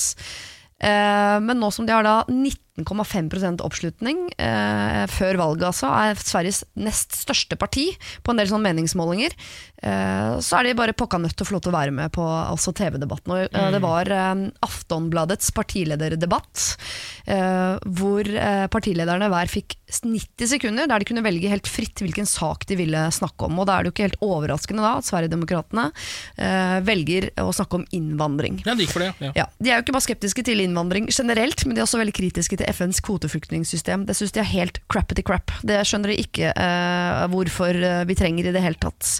Og da er det en leder fra Senterpartiet, altså svenske Senterpartiet, Anni Løf, som sier du burde nesten vært diskvalifisert fra å snakke om hvilken innvandringspolitikk Sverige skal ha.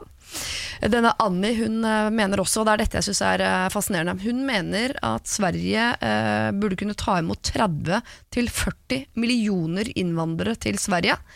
Eh, nå tror jeg det bor ca. Ja, det sto det. 30-40 millioner? 30-40 millioner innvandrere til Sverige. Det nå, og det har, hun har ikke noe statistikk til å utdype det. Eh, Og hun er fullstendig klar over at det i dag bor 9,9 millioner mennesker i Sverige. Hun syns allikevel det er plass til 30-40 millioner innvandrere i Sverige. Altså, det er jo ikke rart at Sverigedemokraterna får en ganske ok oppslutning. Ja, når du det har nisser som det der gående rundt altså, ja. så, og brenner eh, under føttene på dem. Ja, mine dører står ganske åpne, og jeg anser meg selv som et uh, ganske raust menneske, men det der synes jeg det var, det var mye. Det var mye. Uh, men da, det syns jeg er gøy, da, er at Sverigedemokraterna de er jo ikke enig i det. Du syns ikke det er plass til 30-40 millioner eh, innvandrere. De mener at det allerede er fullt. Ja. Og jeg skjønner, jeg skjønner at man kan være uenig om ting, om hvordan man skal gjøre ting, og sånn, men at man kan ha en uenighet som er, altså, går fra null til 40 millioner, det syns jeg er eh, matematisk umulig å forsvare. Som eh, å stå på sidelinjen og forsvare det. Ja, men det er, det Her er er noen som ikke kan telle. ingen som får frem de polariserte siden i Sverige mer enn Sverigedemokraterna. Altså partiet. Ja. Du ser jo det, du ser jo hva, hva som kommer tilbake. Det, liksom, enten, det er ikke enten eller, det er, liksom, det er enten eller. Det er ikke noe, det er ikke noe mellomgreie. Han Jimmy, Jimmy Åkesson, Ja. han eh, i Sverigedemokraterna, Sverigedemokraterna, han har jo prøvd å på en måte eh, roe ned partiet litt det siste året. Da, og liksom Nulltoleranse mot rasisme osv. Men det er jo fortsatt et ganske sånn heftig parti. Ja. Eh, så det er jo ikke rart at det kommer sånn motbør som det der. Jeg syns det er heftig å foreslå null, men jeg syns det er heftig å foreslå 30-40 Ja, det millioner. synes. Det er en veldig gøy debatt. Det er sånn, hvor, hva, hva syns dere? Ah, 100 millioner? Ja, hva syns dere? Ah, Minus 200 000 millioner. Vi ønsker, liksom. vi ønsker Sverige lykke til med valget. Paven eh, taus om overgrepspåstander. I sommer var eh, en 88 år gammel eh, kardinal som het Theodore McCarrick, den første kardinalen i moderne tid som gikk av da paven eh, godtok eh, avskjedssøknaden hans. Han søkte avskjed fordi en amerikansk gransking slo fast at, en, eh, at kardinalen skulle ha for, eller skal ha foregrepet seg seksuelt på en 16-åring. Ehm, og dette skjedde til tross for at han 88-åringen McCarrick ikke husket noen ting. Ja. Han, han mente at det ikke hadde funnet sted da. Og I etterkant har jo flere stått fram og sagt at det har blitt misbrukt av uh, McCarrick. Eh, nå viser det seg at pave Frans kan ha visst om disse overgrepene tidligere enn antatt. Eh, og faktisk for første gang Jeg føler at paven ofte kommer unna med ting, men Mm. nå får han ganske mye pepper. Pave, pave Frans. Han har, jo, altså, han har jo helt sikkert visst om det. Jeg har visst om de overgrepene. Ja. På en måte. Fordi nå har de funnet et brev da Um, fra en eh, tidligere erkebiskop som eh, altså sendte et slags varslebrev da, til pave Frans om at uh, Theodore McCarrick hadde misbrukt uh, opptil flere barn. Ja. Og det er ganske fellende, egentlig. Men uh, hva er det hva er, Jeg vet ikke om du vet dette, men hva er det på en måte som kan felle en pave? Altså sitter Han er jo Han er pave, han er ikke det? Helt til han dauer? Ja, sånn ja. ja. Nei, det vet jeg ikke noe om. Jeg kan ikke noe om de reglene der. Jeg kan Nei. vet bare den der røyken blir altså, Jeg vet ikke. Kanskje det kommer rød røyk når eh, paven har gjort noe dumt. Så må Ja. han kastes. Ja, jeg vet ikke hvordan det funker i Vatikanet der, men uh, han vil verken bekrefte eller avkrefte om han visste om disse uh, overgrepene tidligere. Men det betyr jo egentlig at han mest sannsynlig visste om det. Jeg vet liksom ikke hva som kan skje, men jeg, likte, jeg trodde jeg likte pave Frans. Ja, jeg trodde det. Men jeg, jeg vet ikke om jeg liker han lenger.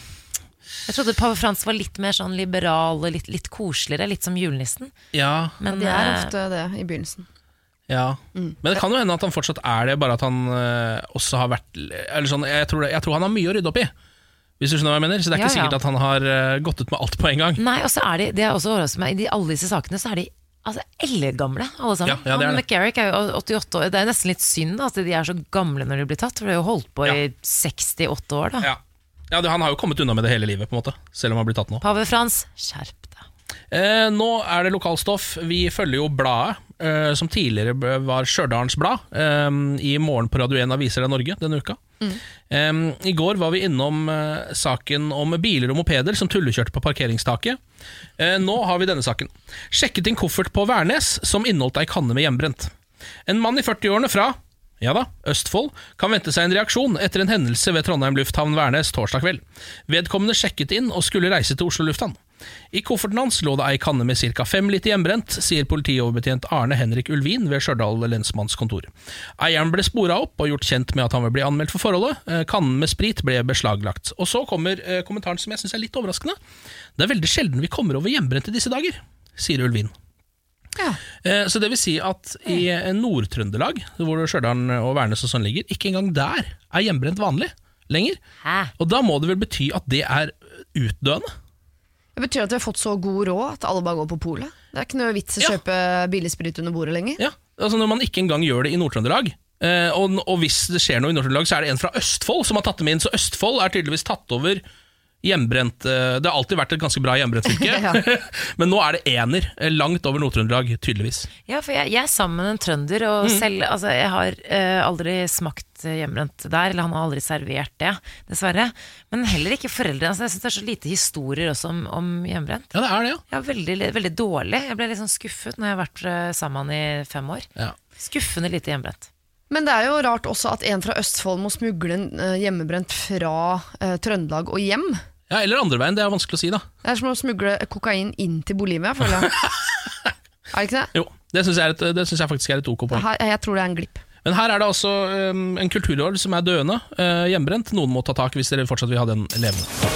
Dette er morgen på Radio 1. Veldig hyggelig at du hører på Morgen på Radio 1 med Ken, Siri og Samantha, og også nå mannen fra Bærum, Lars Bærum. Ja. Velkommen. Jo. Velkommen til deg. Jeg syns du ser tålig tålelig godt ut. Du har fått en eh, ganske kledelig brunfarge Mm. som du har jobba hardt for i løpet av sommeren, tror jeg. Ja, nei, jeg er ikke sånn jeg jobber på brunsida, altså. Nei, det sier du, ja. Men du ser ut som Men en jeg har jo vært veldig mye ute på øyene og sånn. Ja, ikke sant? Han er sånn type. Jeg har jobba så mye på jordene denne sommeren, så jeg har en sånn naturlig brunfarge som jeg har fått. Ja, men det glir av som hos alle andre, så vi får bare bestille den årlige Gran Canaria-turen opp mot jul, så blir det bra, det her. Klar for quiz? Ja. Lars Bærums morgenquiz. Tre spørsmål da, folkens. Alle svarene vil jeg jo i dag skal være riktige. Mm. Det er Ok, oi et, da. eh, Et krav? håp. Ja, det er ikke krav, men jeg håper jo, for det hadde vært litt gøy. Mm. For dere har jo ikke fått riktig i denne gruppa eh, på lang, lang tid. Altså, Nei. alt fullt hus har ikke skjedd. Eh, Men vi starter jo med det fantastisk dumme quizlagnavnet som vi krever at gruppa skal ha. Jeg har en. Eh, husker ikke om jeg har brukt den før, men kan vi ta eh, Christina Aguilera? Ja, Ja. det syns jeg vi kan. Christina Ok, takk. Aguilera. Det kan vi Jeg applauderer den. Ja. Ja, takk. Vi skal ikke være knallharde her. Nei. Ja, Er dere klare til spørsmål nummer én? da? Ja. Hvilket navn skiftet NetCom til i 2016?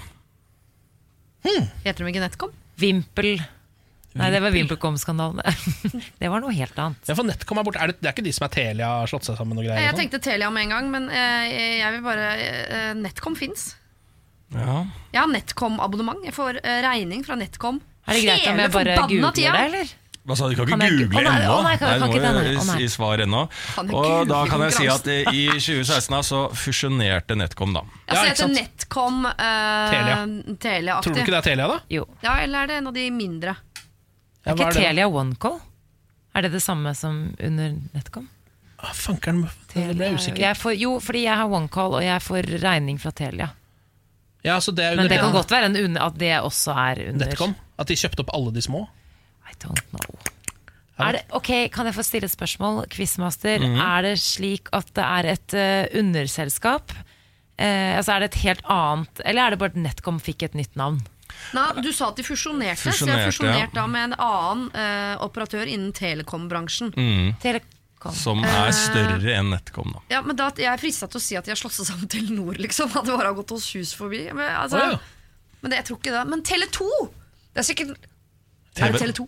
Jeg vet ikke. Tele2? Tele2 har jeg aldri hørt om. Har du ikke hørt om Tele2? Men Ja, jeg har hørt om den, ikke det. TV2 har jeg hørt om. Jeg tror ikke det er Tele2. Nei, for han har ikke hørt om det, og da er det ikke en del av quizen. Skal, vi si- skal vi si Telia, da? Ja, jeg tror vi nesten bare Telia, endelig svar avgitt? Ja.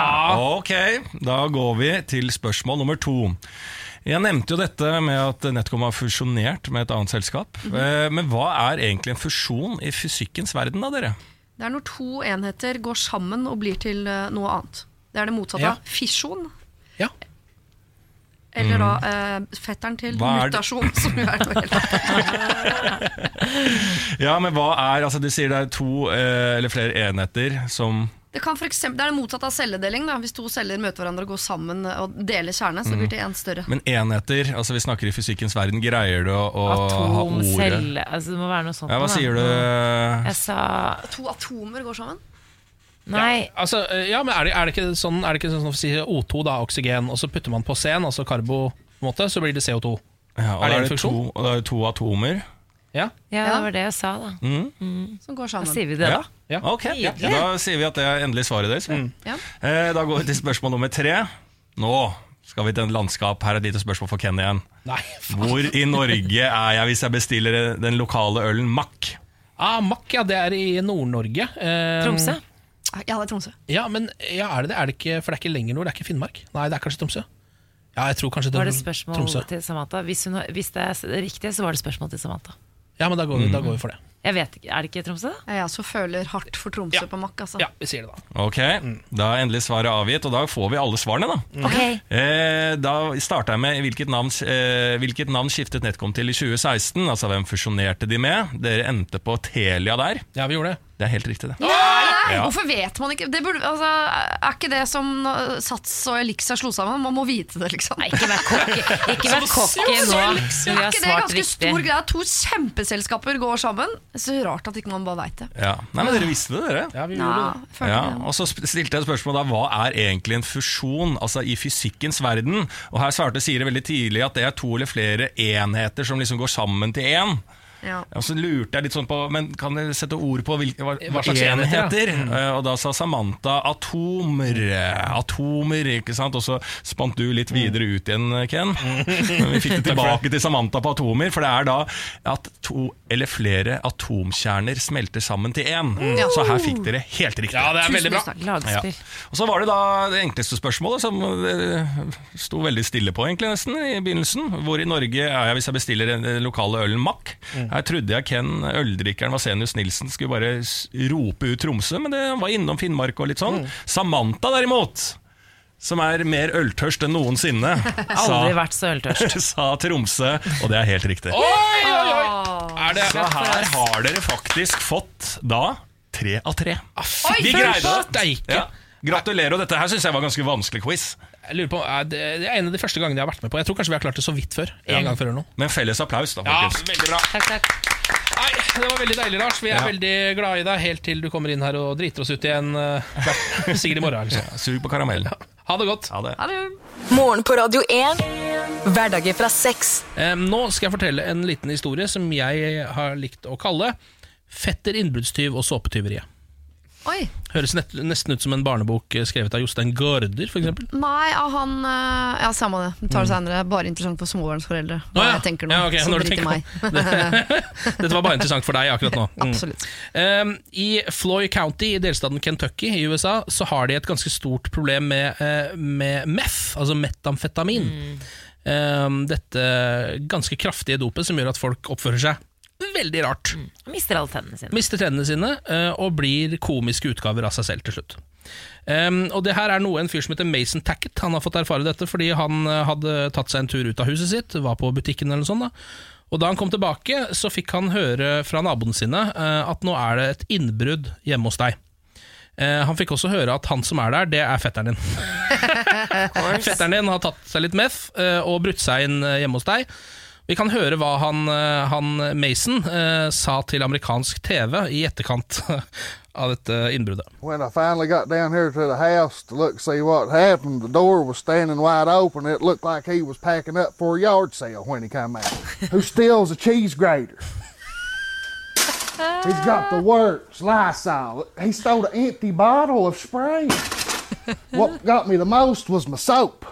He stole my soap. Who steals soul! Altså, preach. preach.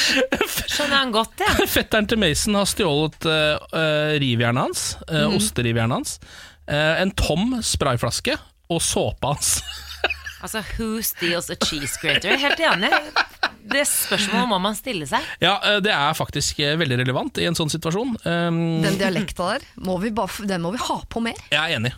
Jeg vil høre mer av den. Ja, absolutt. Flere TV-serier derfra, vær så snill. Ikke bare sånn dystre dokumentarer, for det er så mye gærne folk der. Ja. Vanlige filmer derfra, takk. Ja, og jeg vil også be om at eh, nå som det har begynt å bli ganske vanlig med lydbøker, Mm. kan man ikke velge dialekten skal leses opp på.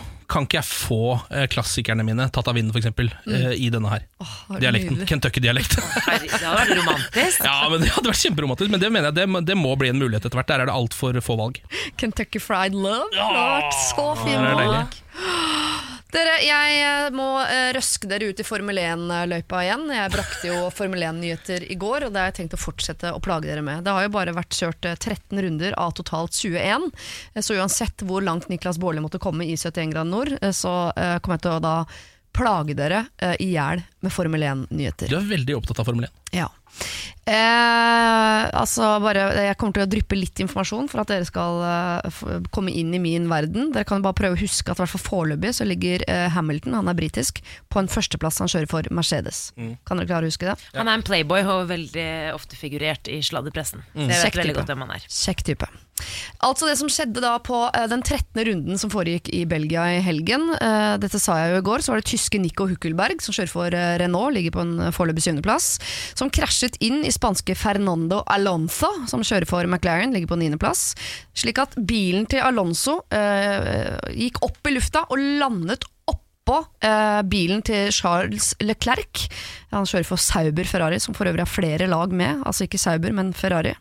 Eh, og eh, kunne ha skadet både seg selv og eh, eh, Leclerc. Eh, kraftig i og med at det kjøres jo ganske fort, selv om dette var i første sving, så er begrensa hvor eh, høy hastigheten har kommet opp allerede. Men var det en slags kjedekollisjon, så var det en som kjørte inn i en annen som nesten landa på en tredje? Det var de tre bakerste bilene som kjørte inn i hverandre, og kunne ikke da fullføre løpet fordi bilene var totalvraket. Mm. Det som er nytt denne sesongen i Formel 1, er at de har eh, en ny konstruksjon på bilene sine som kalles for Hello! Eller Halo, da. Jeg bare liker å si det på Beyoncé-måten. Hello. Uh, ja. Og det er en titanring som er over hodene på sjåførene, som nettopp skal beskytte mot flyvende objekter, som jo da Fernando Alonso var eh, på eh, søndag. Eh, men det er mange som har vært veldig imot eh, denne tvangsinnføringen av denne haloen. Eh, selv om vi nå i går så at uten denne haloen så ville Alonso ha truffet Leclerc i hodet, og ingen eh, kan si noe om utfallet av den ulykken. Og det jeg synes er gøy, Grunnen til at ikke de vil ha denne haloen, er eh, estetikken. Eh, Martin Bundle, altså han kjørte 158 løp mellom 84 og 96. Han har gått ut og sagt at det ødelegger DNA-et til Formel 1. Altså Det ser ikke bra ut. Han Ja. driter fullstendig i at det kan redde liv. Han sier bare at, uh, Så han har tydeligvis kjørt Formel 1 fordi det ser bra ut. uh, og, Så han vil ha bort denne haloen, og er sterkt kritisk til at de skal kjøre med en titanring over hodet. Dette er, det er stygt. Han vil ha det bort. Han bruker på en måte en tolvårings sykkelhjelmargument. Ja, det er Ja. absolutt Mm. det han gjør. Og da er det deilig at Sean Tott, har dere hørt om han? Sean Tott? Sean Tott, ja. Han er uh, Ferraris gamle teamsjef. Nå er han president i det internasjonale motorsportforbundet. han er en figur i miljøet. Hvis dere ser på etter hvert når du får barn, Samantha, Mm. så kommer du til å se på en, eh, en sånn barne-TV-serie hvor det er masse små animerte biler som kjører rundt, Formel 1. De kan selvfølgelig snakke og har et eget eh, følelsesliv og sånn. Der er Sean Tott med, som en Er det, viktig men figur. i biler? Nei, der er han menneske. Han er mekanikeren til hoved... eh, Til Rory, da, som er hovedbilen. Han er en liten Men er dette biler? Altså, er det det Pixar-filmene? Eh, Ja, det er nesten det, bare at Ja, dette er en billig variant som går på NRK Super og sånn. mm, som du kommer til å se mye på. til. Du kommer til å se mye på det i tiden framover. Men han går ut, er en veldig sindig og fin, eh, stutt liten fyr med krøllete hår. Etter han er 1,10 høy eller noe sånt. Veldig søt fyr. Sto alltid i bakgrunnen når Schumacher var inne på pitstop. Så sto han i bakgrunnen der, sånn liten figur, sånn som med sånn lykketroll. Og han sier, det er så deilig når han kommer ut, sier 'sikkerheten først'. Sikkerheten først. Det syns jeg er sindig og fint av en deilig liten mann som kommer og sier.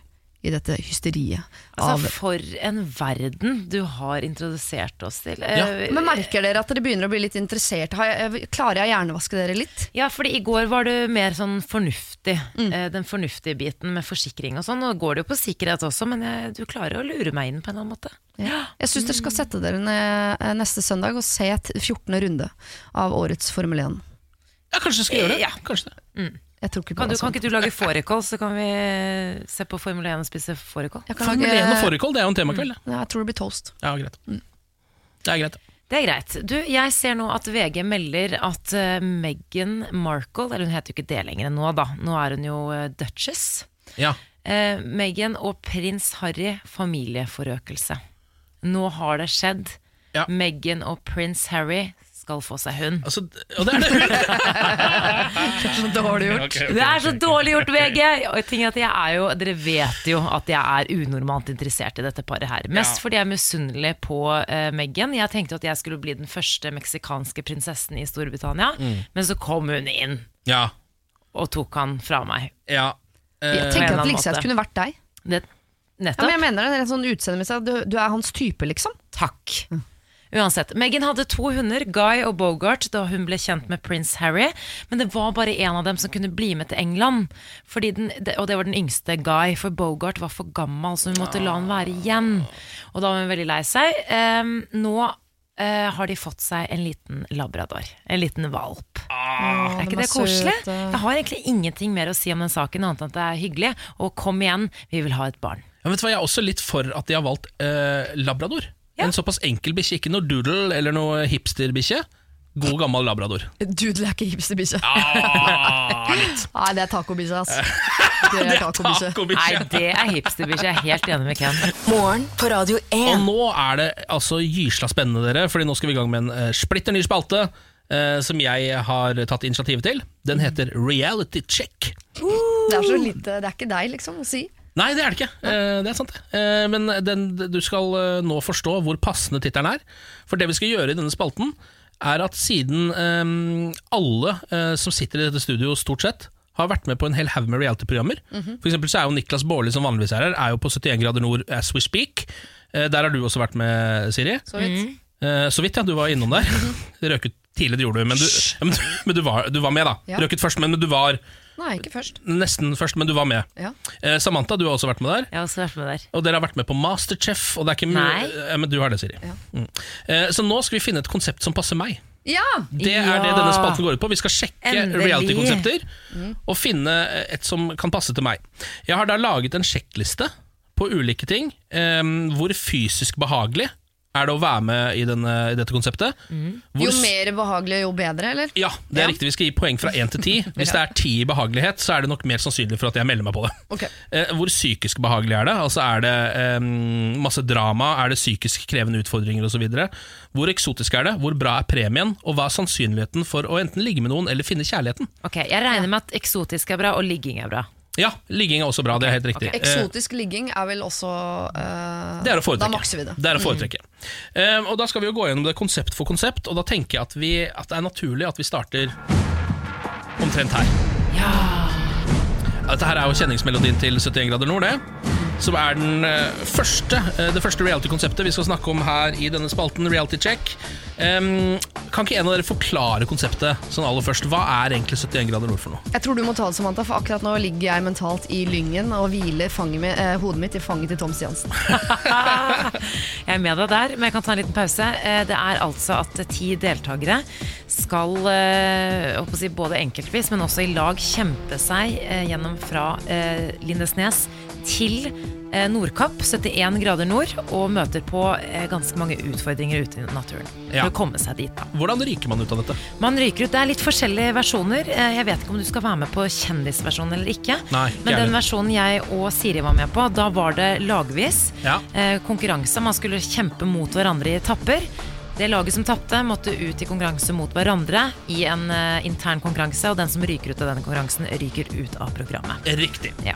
Eh, Vi kan jo begynne da med det fysiske. Hvor fysisk behagelig er det å være med på 71 grader nord? Da vil jeg bare også minne om at mat, inntak av mat, går inn under her. Så hvis det er lite mat, så er det heller ikke spesielt fysisk behagelig. Da vil jeg skyte den der og si at her er det også forskjell på kjendis og, og vanlig. Uh, Vi går for er- kjendisversjonen, ja, tror jeg. Vi går for kjendis. Ja, det er ganske mye Det er god tilgang på mat. Det er bra. Uh, det er ikke uh, hamburger og uh, pommes frites. Det er det lite av. Det er turmat, og det er mye polarbrød. Men det er også mye sjokolade, snop, nøtter osv. Dette er bra. Ja, men fysisk ubehagelig er det jo. Man må presse seg veldig. Men det er overraskende mye pauser også. Alle pausene klippes jo bort. Det er juks. Ja. Det er mye stopp, det er mye venting, det er mye transport. Eh, Så selv om når man først er fysisk aktiv, så er det helt forferdelig, så er det også ganske god tid til restitusjon. Ja, Ja. men jeg vil si at man aldri er eh, helt tørr eller helt varm. Man er alltid litt kald og litt våt. Ja, og jeg ser jo f altså jeg tenker på 71 grader nord som fysisk ganske ubehagelig. Altså det er mye Absolutt. Man skal um, stadig vekk bestige noe, rappellere ned noe, Mm. Uh, kjøres på ski, som jeg syns er grusomt. Mm. Fysisk og psykisk ubehagelig hvis du er redd for høyde, f.eks. Ja, det er jeg også. Fankeren. Ok, men Da må vi gå mellom 1 og 10 på fysisk. Uh, altså hvor behagelig det er. Det blir ganske langt nede. Hvor behagelig det er for deg eh, fysisk å være med på 71 grader nord, Ja. der setter jeg en uh, toer. Jeg Ja, med på det. jeg kan være med, Den kan jeg være med på, faktisk. Da skal jeg notere ned det. Og så Når det kommer til det psykiske, da Da kan vi jo eh, si at jeg har høydeskrekk. Eh, så det er ikke bra. Um, og så snuser jeg. Får man ha med seg snus? Nei. Nei. Nei! Eller du kan ha den med deg, men du får ikke Du må bare ha den lille pakken du har med deg. Da. Ja, sånn du må må ha den i sekken, liksom. Du skal jo bære 18-25 kilo. Ja, ikke sant? Eh, så det er også ganske psykisk ubehagelig, dette greiene her. Ja, pluss at du får jo eh, For min del psykisk mest ubehagelig var det at man plutselig er på tur med folk som har levd hele livet av å vinne. Ja, Eh, Så der hvor jeg hele tiden tenkte sånn Vi må bli ferdig, så tenkte resten av laget vi må vinne. Det var helt irrelevant for meg, og det tipper jeg det vil være for deg også. Vinne, hva da? Det handler vel bare om å bli ferdig ja. med det. Så det kan være en del drama inni her også. Ja, og de, de forstår ikke deg. De forstår ikke hvilken verden du kommer fra, hvilken planet du egentlig har bodd på hele ditt liv, som ikke er opptatt av å vinne, så du kommer til å få mye kjeft. Altså, uh, Idrettsfolka kommer til å, å kjefte på deg uh, fordi du ikke tenker sånn som de. Jeg husker mitt, Et av mine uh, favorittøyeblikk i 71 grader nords historie er da Aylar Lie har lakket negler og sutra seg til ca. 45 grader nord, hvor sindige lille komiker Nils Ingar Odne til slutt, på vegne av eh, elleve stykker tror klikker på Aylar i Lyngen. Vi skal høre på det. Hver blokk vi har delt på alt. nå sier Emilie at hun kan ta Nei, det trenger ikke jeg gjør det selv. det selv. hører du på henne. Nei, jeg gjør det selv. Ikke rør. Ikke istedenfor å bare skape forbanna Jeg blir så drittlei av å høre at dere sier Ja, alle der er to, så røper. Nei, dere hører å høre på det jævla maset ditt på hver Det er forbanna etappe. bullshit. Det er bullshit det dere kommer med. Hvis, ikke, hvis dere har pust til å synge og danse oppover en fjellvegg, så bærer dere ikke tung nok i forhold til hva dere klarer. Ja, men det gjør jo du òg når vi bærer saken deres, så danser og synger du òg. Så det er ikke alltid god stemning. Nei, men eh, likevel så er det sånn Så er det jo ganske kult når du får til noe òg, da. Ja. Det, Men jeg tror det handler om at man må øh, Det er greit å ikke klare ting, men det er ikke så greit å sutre. Nei, altså det Her merker jeg at eh, det å bli skjelt ut av Nils Ingar Odne, eh, det kommer ganske langt ned på psykisk behagelig for meg. Ja. Jeg, jeg, kan- der blir det en fire fra 1 til 10 på den. altså Fire på denne. ja. eh, Hvor eksotisk er det? Litt sånn raskt. Man eh, traver jo gjennom Norge, da. Er du glad i norsk natur? Eh, ja, sånn passe, men jeg syns det er mer eksotisk med Mexico, f.eks. Da vil jeg si at det ligger på en toer. Ja, jeg er helt enig i det. Der gir jeg ti. Ja, ja, ja, men dere mener Ja, men- du, du tenker ti, jeg tenker ti, men han vil til vi- Mexico. Hvis folk mener at Norge, og du er fra Norge og mener Norge er eksotisk, da har du ikke høye nok krav. Nei, men Det er fordi du ikke har vært uh, utafor Sinsenkrysset i Oslo sentrum. jeg tror at natur er bjørk i rundkjøring. jeg- Du må jo ut og opp og, og Jeg er så å si født, i Finnmark, jeg. Jeg tror ikke på det. Ja, det er jeg. Ser du ikke? Se på skjegget hans, Jeg bare syns ikke det er noe så spesielt. Jeg, bare, jeg, bare, Jeg gir det en tiere. ja, men du, du får ikke lov å bestemme. Jeg tar kjøre veto to på dette. Premie, hva er premien på dette? Premien er at du får lov til å være med på realityserien du velger. Vinner man ikke noe? Eh, Å, med 71 grader nord? Ja. Jeg trodde du mente deg. Nei. Nei, eh, 71, nei, men vet du hva, dessverre. Før var det en pottdrøm, men nå er det heder og ære. Jeg trodde man fikk bil. Heder og ære! Ikke kjendiser. Ja, det er ener, altså. Hva er sannsynligheten for å finne kjærligheten eller ligge med noen, da? Er det mange som har eh, begynt å date etter å ha vært med på 71 grader? nord? Både Siri og jeg fikk sånn uh, crew crush på de sikkerhetsfolka som var med. Ikke noe alvorlig, altså, men bare litt sånn man er sårbar ute i naturen, så kommer det en sånn Lå ikke du med Tom Stiansen? Nei, ikke den gangen. Det var en det annen gang. Ja. Det var en annen gang. Nei, Men, eh, men uansett, så, så Jeg vil si eh, Man dusjer jo ikke på to uker. Nei. Ikke det første du tenker på. Det Altså. er ikke så sexy opplegg. Nei, Nei, du treffer ikke drømmedama der, det kan jeg bare bekrefte. Er det en toer, da, kanskje? Ja, det er to ord. Ja. Jeg vet hva, Dette her var ikke spesielt god score for 71 grader nord. Skal vi se. Eh, 6, 7, 8, 9, 11 har jeg regnet meg fram til. 11 av 50 poeng. Ja. Ah, Nei, det er ikke konseptet for deg. Det er ganske langt nede, altså. Ok, Det blir nytt konsept i neste runde av Reality Check. Dette er, er kjempespennende. Dere koser dere, dere òg. Jeg ser det på dere. Jeg ser det på dere. Ja, nei, Det blir i hvert fall ikke det programmet der, da, men eh, vi får se hva vi kommer på her. Dette er morgen på Radio 1. God morgen, Siri. God morgen. God morgen, Samantha. God morgen. Og god morgen til Pernille, som nettopp har kommet på jobb. Er en uh, grei tirsdag, eller? Det er en uh, helt uh, ok tirsdag, fordi jeg har jo meldt meg på som den gode borgeren jeg er, gullbryllupet til kongefamilien. Selvfølgelig. Som du, altså, du kan førstemann til mølla for å få domkirkeplasser, da, og jeg pleier egentlig å unngå kirker så godt det er mulig, men for kongefamilien så hadde jeg gledelig kommet dit med blomster og gave og alt som hører til. Men ja, en, dersom du får plass, vil du motta en e-post med invitasjon. Den e-posten har blitt borte. Den har ikke jeg Ah, fått. Så du er ikke invitert? Nei. Ja. Dette er i morgen. Du ble altså ikke prioritert av kongefamilien eh, i dette seklet, da? Nei, det ble jeg ikke. Det det, så det på en måte gnager jo litt, men ellers så har jeg det veldig fint. Det er helt umulig å skjønne hvordan de folka der tenker. Ja, det er det. Ja, det er veldig, det er veldig vanskelig. Mm. Em, vi har jo begynt å bruke deg som en opinionsmåler. Stemmer det. Eh, en som blir sendt ut i gatene her i Norge, eh, traver da gatelangs og plukker opp ulike trender og tendenser blant mennesker der ute. Folkets røst. Folkets røst, eh, kan vi kalle det. Em, og uh, av alle ting i hele verden, så, lu så uh, har vi nå lurt på um, Skyld på Siri. Ja, Siri, Siri du Ja, her føler jeg at jeg må forklare Ja. litt. Uh, vi har jo bedt folk om å si hvem de har lyst til å banke og hvorfor. Og det er ikke et rop fra min indre voldelige meg, det er fordi jeg leste en sak fra Sverige i går, hvor det var to venninner eh, som eh, endte opp med å slåss fordi hun ene ble så forbanna på hun andre fordi Ja. hun ikke ville gå videre på samme utested som henne. Altså så sint at hun dro henne etter håret ned på T-banesporet. Det klikket for henne. Og jeg har er jo da nysgjerrig på om det er noe som kan få andre folk til å klikke. I så fall på hvem? La oss snurre klipp. Shit, den kom litt brått på. Jeg veit ikke, ass. Nei, gud veit. Jeg ville ikke banka noen. I don't think I'd beat anybody out really, unless someone was attacking my family, I guess. Nei, Jeg kommer ikke akkurat på noen navn veldig kjapt. Måtte i hvert fall være fly forbanna, da, men eh, Det er veldig fristende å si Trump akkurat nå, men um, ja. Men helst, altså, egentlig så ville jeg ikke banket noen, men hvis det skulle vært noen, så ville det vært han. Eh, hvis jeg måtte ha banka noen, så hadde det blitt eh, Jon Almås, for han er altfor pen. Det må ha vært noen som eh, testa grensene mine skikkelig. På hvilken som helst måte, egentlig. Bare sånn så lenge de kom til det punktet. En barndomskamerat som uh, mobba meg når vi gikk på barneskolen. Vi skal ikke si navn. There are a lot of options, a lot of good options. Uh, it seems like a good idea kicking someone's ass sometimes, but I think there are mostly there are better solutions and people won't learn from it. That's what I found out at least. So I would try to find another way. Ja, en litt klok mann på tampen der. Ah, Gullklumpen der. Og vi spurte også dette spørsmålet her på Instagram. Eh, og der er det sånn eh, Der er det folk som har skrevet eh, Trump eh, fordi han snakka drit om eh, McCain. Olav Thon eh, fordi han er litt vel fjern. Eh, virkelighetsfjern eh, når det kommer til metoo i egen organisasjon. Aha. Og mennesker som torturerer og dreper uskyldige dyr. Det er også en som heter Magnus Olsen, som har skrevet meg.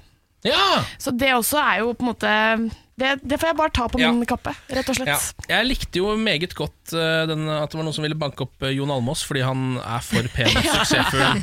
Det kan jeg kjenne meg litt igjen i. Jeg har, eh, hver gang jeg ser fingeren, så har jeg litt lyst til å gå bort og småprate med han, så har jeg litt lyst til å gi bitchlappe han litt grann i trynet. Thomas Gullestad? Ja, fordi han, han, han, han, han har fått for mye nå. Men nå tror du ikke han hadde blitt mer sexy med et blå, med en jo, blåveis? det hadde han faktisk. Han hadde. Skuespiller, klovner i kamp og mann til Jenny Skavlan. Altså får han, han får det litt til på alle arenaer. Og sånne mennesker er alltid litt irriterende. Ja, altså da, han, han har liksom på en måte Nå er han den mest kredda skuespilleren i landet og er fortsatt sammen med Jenny Skavlan og har starta opp Klovner i kamp. Og er, er, Jeg tipper han sliter med hemoroider eller et ja, det gjør han. Han sliter helt klart med hemoroider. Kan jeg bringe noe til bords? Jeg hadde en diskusjon med vennene mine. Um, var ikke helt objektiv, fordi det var snakk om TV på soverommet.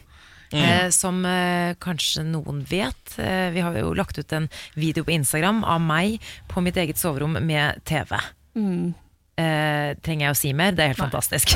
Det er jo helt, altså, jeg mener jo at TV på soverommet er, fant, eh, er helt fantastisk, men noen av, eh, som vennene mine påpekte, det kan jo være eh, en liten hindring for eh, det som ellers skal skje på soverommet, og da er det ikke bare snakk om søvn, det er også snakk om elskov.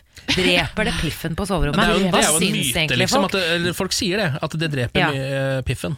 Ja, men det er jo ikke bare en, Jeg har sagt hardt nei til TV på soverommet hjemme hos oss. Du går glipp det av sånn livets man- gode sider. Jo, men hvis det er sånn at man som par blir utrolig tent på hverandre av å se på TV sammen, så hadde vi drevet og ligget med hverandre daglig i stua. Aldri skjedd. Nei, Så er det mange som mener at det ikke er så sunt at man ikke burde ha eh, stråling inne på soverommet. Så jeg er litt nysgjerrig på hva Ja. folk Hva, liksom, hva, rett og slett spørsmålet er eh, Hva tenker dere om TV på soverommet? da? Ja. Rett og slett. Til folket. Ok, det skal jeg gå ut og spørre om. Det, eh, da får vi vite det i morgen. Da Da får får vi fasitsvaret på det. Morgen på Radio 1. Hverdager fra seks. Vi snakket tidligere om eh, heimbrent. Ja. Eh, I forbindelse med en sak du tok opp, Ken, med at en østlending hadde smuglet med seg heimbrent på Værnes Ja. i, på Stjørdal i Nord-Trøndelag. Ja, og Det viste seg at det var ikke så vanlig med heimbrent i Stjørdal, altså i Nord-Trøndelag i det hele tatt. Nei, til vår store overraskelse. Ja. Vi har fått en melding fra Sivert, som er, if, er ifra utenfor Stjørdal, og kan avkrefte det. Eh, heimbrent er eh, ikke ut. Ja, det er ikke det, nei. Nei. Det er det Hilsen Sivert. Og jeg, jeg, jeg velger å stole på Sivert. Ja, det gjør jeg også. Eh, Ja. Da er det sikkert bare det at det ikke er så vanlig å ta det med seg rundt omkring inn på flyplassene lenger. Nei, nettopp. Når man holder det i byen. Ja, nettopp. Høres egentlig greit ut, det. Sivert er et veldig fint navn, syns jeg. Kunne babyen i magen din hett Sivert? eh, Som? Ja, eh, bestefaren til eh, venninnen min, min eldste venninne, het eh, Sivert, og vi, han, de hadde en hytte som het Sivertseter. Ja. Og jeg bare husker at jeg syns at Sivert var så sykt kult navn. Det er fint. Jeg synes faktisk det er fint. Hvis ikke så foreslår jo, hvis man følger navnedagregisteret, eh, så er det Arthur og August som har navnedag i dag. Så det er også forslaget jeg legger i potten. Ja. Jeg skal jo få en liten gutt rett Mm. over nyttår, og sliter litt med valg av navn. Jeg, synes, eh, jeg er veldig glad for at jeg får en gutt, men jeg syns guttenavn er veldig vanskelig. Så jeg har jo spurt eh, dere her, men også publikum om hjelp. Ja. Og jeg, jeg har egentlig ikke kommet noe lenger. Arthur Mhm. syns jeg faktisk er litt artig. Hadde jeg vært litt mer artig som person, så hadde jeg valgt eh, Arthur. Jeg liker det navnet. Arthur, det, er jo, altså det første jeg tenker på, er jo kongen, altså King Arthur. Ja. Eh, som jeg kanskje Ja. lurer på om eh, jeg, jeg tror kanskje det bare er en fantasykonge? Ikke, er den løven i Robin Hood, heter ikke han kong Arthur? Heter løven i Robin Hood kong Arthur? Ja, ja, Ja, sånn, ja. gjør den ikke det? Ja, den gjør det, ja. ja, kanskje det er en ekte konge. Og så har han Sir Hiss, den slangen som hjelper han å stjele og sånn. Han tror jeg er fiktiv. Det er absolutt kongelig navn. August forbinder jeg med en, en stille, men sindig fyr jeg gikk på skole med. Ja, ikke sant? Jeg tenker for mye på Hotell Cæsar når August kommer opp. Altså, Nei! Jens August er det første jeg tenker på. Å nei, det går ikke. Og så er det også et litt sånn um, et, Det er et ord som ikke brukes lenger, men kegt. Ja. Som er et ord som de bruker veldig mye på Norges handelshøyskole. eh, Som da handler om å være litt sånn Porsche og rik, Ja. og vise det fram på, på Harrys Er. August det? Jeg synes Hvis du putter August som et andre navn på noe, og da kan det første navnet godt være ganske kan være Ronny August. Ja, du prøver liksom å Porsche deg oppover. Jeg skjønner hva du mener. Ja. Nei, det går ikke. Men eh, jeg setter i hvert fall veldig stor pris på om du som hører på har lyst til å hjelpe meg litt. Send inn forslag. Radio1.no på Instagram eller på Facebook. Hittil så liker jeg jo veldig godt oldefarnavn. Det kan jeg jo si. Hva er det, for eksempel? Nei, jeg liker Sivert, da. sånn Sivert og Olav og Ja. ja. jeg liker litt sånn gamle Gamle navn, rett og slett. Jeg har blitt i det siste litt fan av eh, Eller jeg, jeg, jeg lurer på, jeg er kanskje bare er komisk fan av det, men jeg kommer til å foreslå det likevel. Benjamin. Hva syns du om det? Eh, Har du funnet helt på? forferdelig. Altså, helt forferdelig. Er det ikke bra i det hele tatt? Hvilket kammer er du for å hente dårlige ideer fra nå? Det kan umulig være hjernen som eh, bringer de greiene der. Er det nedi levra nå, eller vilten, eller er jeg forventer jo bedre fra deg. Benjamin? Eh, um, hva? Can. Jo, men sånn helt på ordentlig, og nå kommer jeg med navn helt på ordentlig. Jeg vet ikke om Ja. det har vært oppe her før, Mm. men hva med Felix? Ja, Felix heter nabogutten, og faktisk så er det et meget populært navn eh, der hvor jeg bor, i Oslo. Er det det? Er det Ja, litt det. hipt navn? Det er skikkelig hipt. Og nabogutten vår, jeg elsker jo det navnet, jeg synes det er kjempekult, men nabogutten vår heter det, han som bor vegg i vegg med oss. Ah, Det blir litt for uh, nært. Nei, Vi trenger flere her. altså Benjamin slo ikke av, så vi, uh, ikke an, så vi trenger flere navn. Få det inn på Facebook. radio1.no. Morgen på Radio 1. Hverdager fra 6. Så går vi til B. Ja, eh, Du snakker litt dansk, Siri. Det er, der er du faktisk ganske god. Jeg syns du har en god dansk. Men jeg, jeg, jeg er ikke jeg, inni hodet mitt. Jeg er så god i dansk. Ut, ikke så god. Jeg skjønte ikke at det var dansk, jeg. Ja, du gjorde ikke det, nei. Nei, Nei. jeg gjorde ikke det. Det er en veldig spesiell dialekt fra helt syd i Det er jysk, er det du Altså jyllandsk. Ja, er det det er nesten tysk. Mm. Nesten jysk. Det som er litt rart med dansk, syns jeg, er Mm. at hvis man står sammen med en dansk person, Mm. Og så skal man prøve å snakke på måte på norsk til den personen, Mhm. så skjønner personen det bedre hvis man legger på tulledansk aksent. Ja, Er ikke ja, ja. det veldig rart? Ja, det er ikke kødd heller. det. Nei, Du må bare det. prate eh, veldig veldig rart norsk, så forstår de det. Ja, det er sånn Hvis jeg sier til den ja, ja, du er dansk, så ser jeg bare han ser spørrende på meg, så sier han sånn Ja, du er dansk!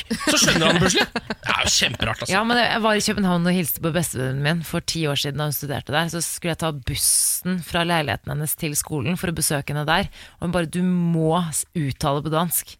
Hvis ikke Ja. så skjønner jo ikke bussjåføren hvor du skal. Så jeg bare, men jeg nekter. Og jeg nekta. Vi sto der i ti minutter på et sånt stopp fordi jeg nektet å si «Eh, Det var jo egentlig bare sånn Esbjerg-plass.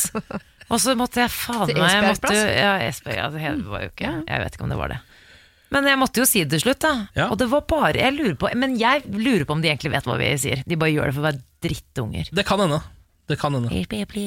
De har jo ingenting å være sure på oss for, da. Men øh, kanskje det bare er sånn. Ikke sure. De er bare avslappa. Ja, det er det. De er Mm. veldig rolige. Nei, skal vi ta kvelden, eller? Vet du hvem som er digg? Hvem da? Mats Mikkelsen. Mats Mikkelsen! Jeg er enig. Men Bare for dere som ikke skjønte hvem han heter. Vet du hvem som er digg? Nei. Paprika Sten. Nei, hun er ikke så digg, men det er en dansk skuespillerinne. Som heter Paprika Sten? Paprika Sten, har du ikke hørt om henne? Nei. Det er hun og Iben Yale er jo de mest kjente skuespillerne i Danmark. Ja. Eh, da syns jeg at lytterne våre kan google paprikasten Ja, gjør det. Gjør det. Og ta, ta det inn i dagen, og så sier vi takk for oss. Ha det. Kiwi er billigst i VGs matbørs og har vært billigst i fire av de fem siste VGs matbørser. Og nå presser vi prisen på påskevarer fram til 1. april. På 1,25 liter assortert Henning Olsen sørlandsis presser vi prisen fra 74,90 helt ned til 49,90. På assorterte 250 ml Cevita og Bendit smoothies presser vi prisen fra 1990 helt ned til 12,90 pluss pant. For det er vi som er prispresserne. Og vi i Kiwi gir oss aldri på pris.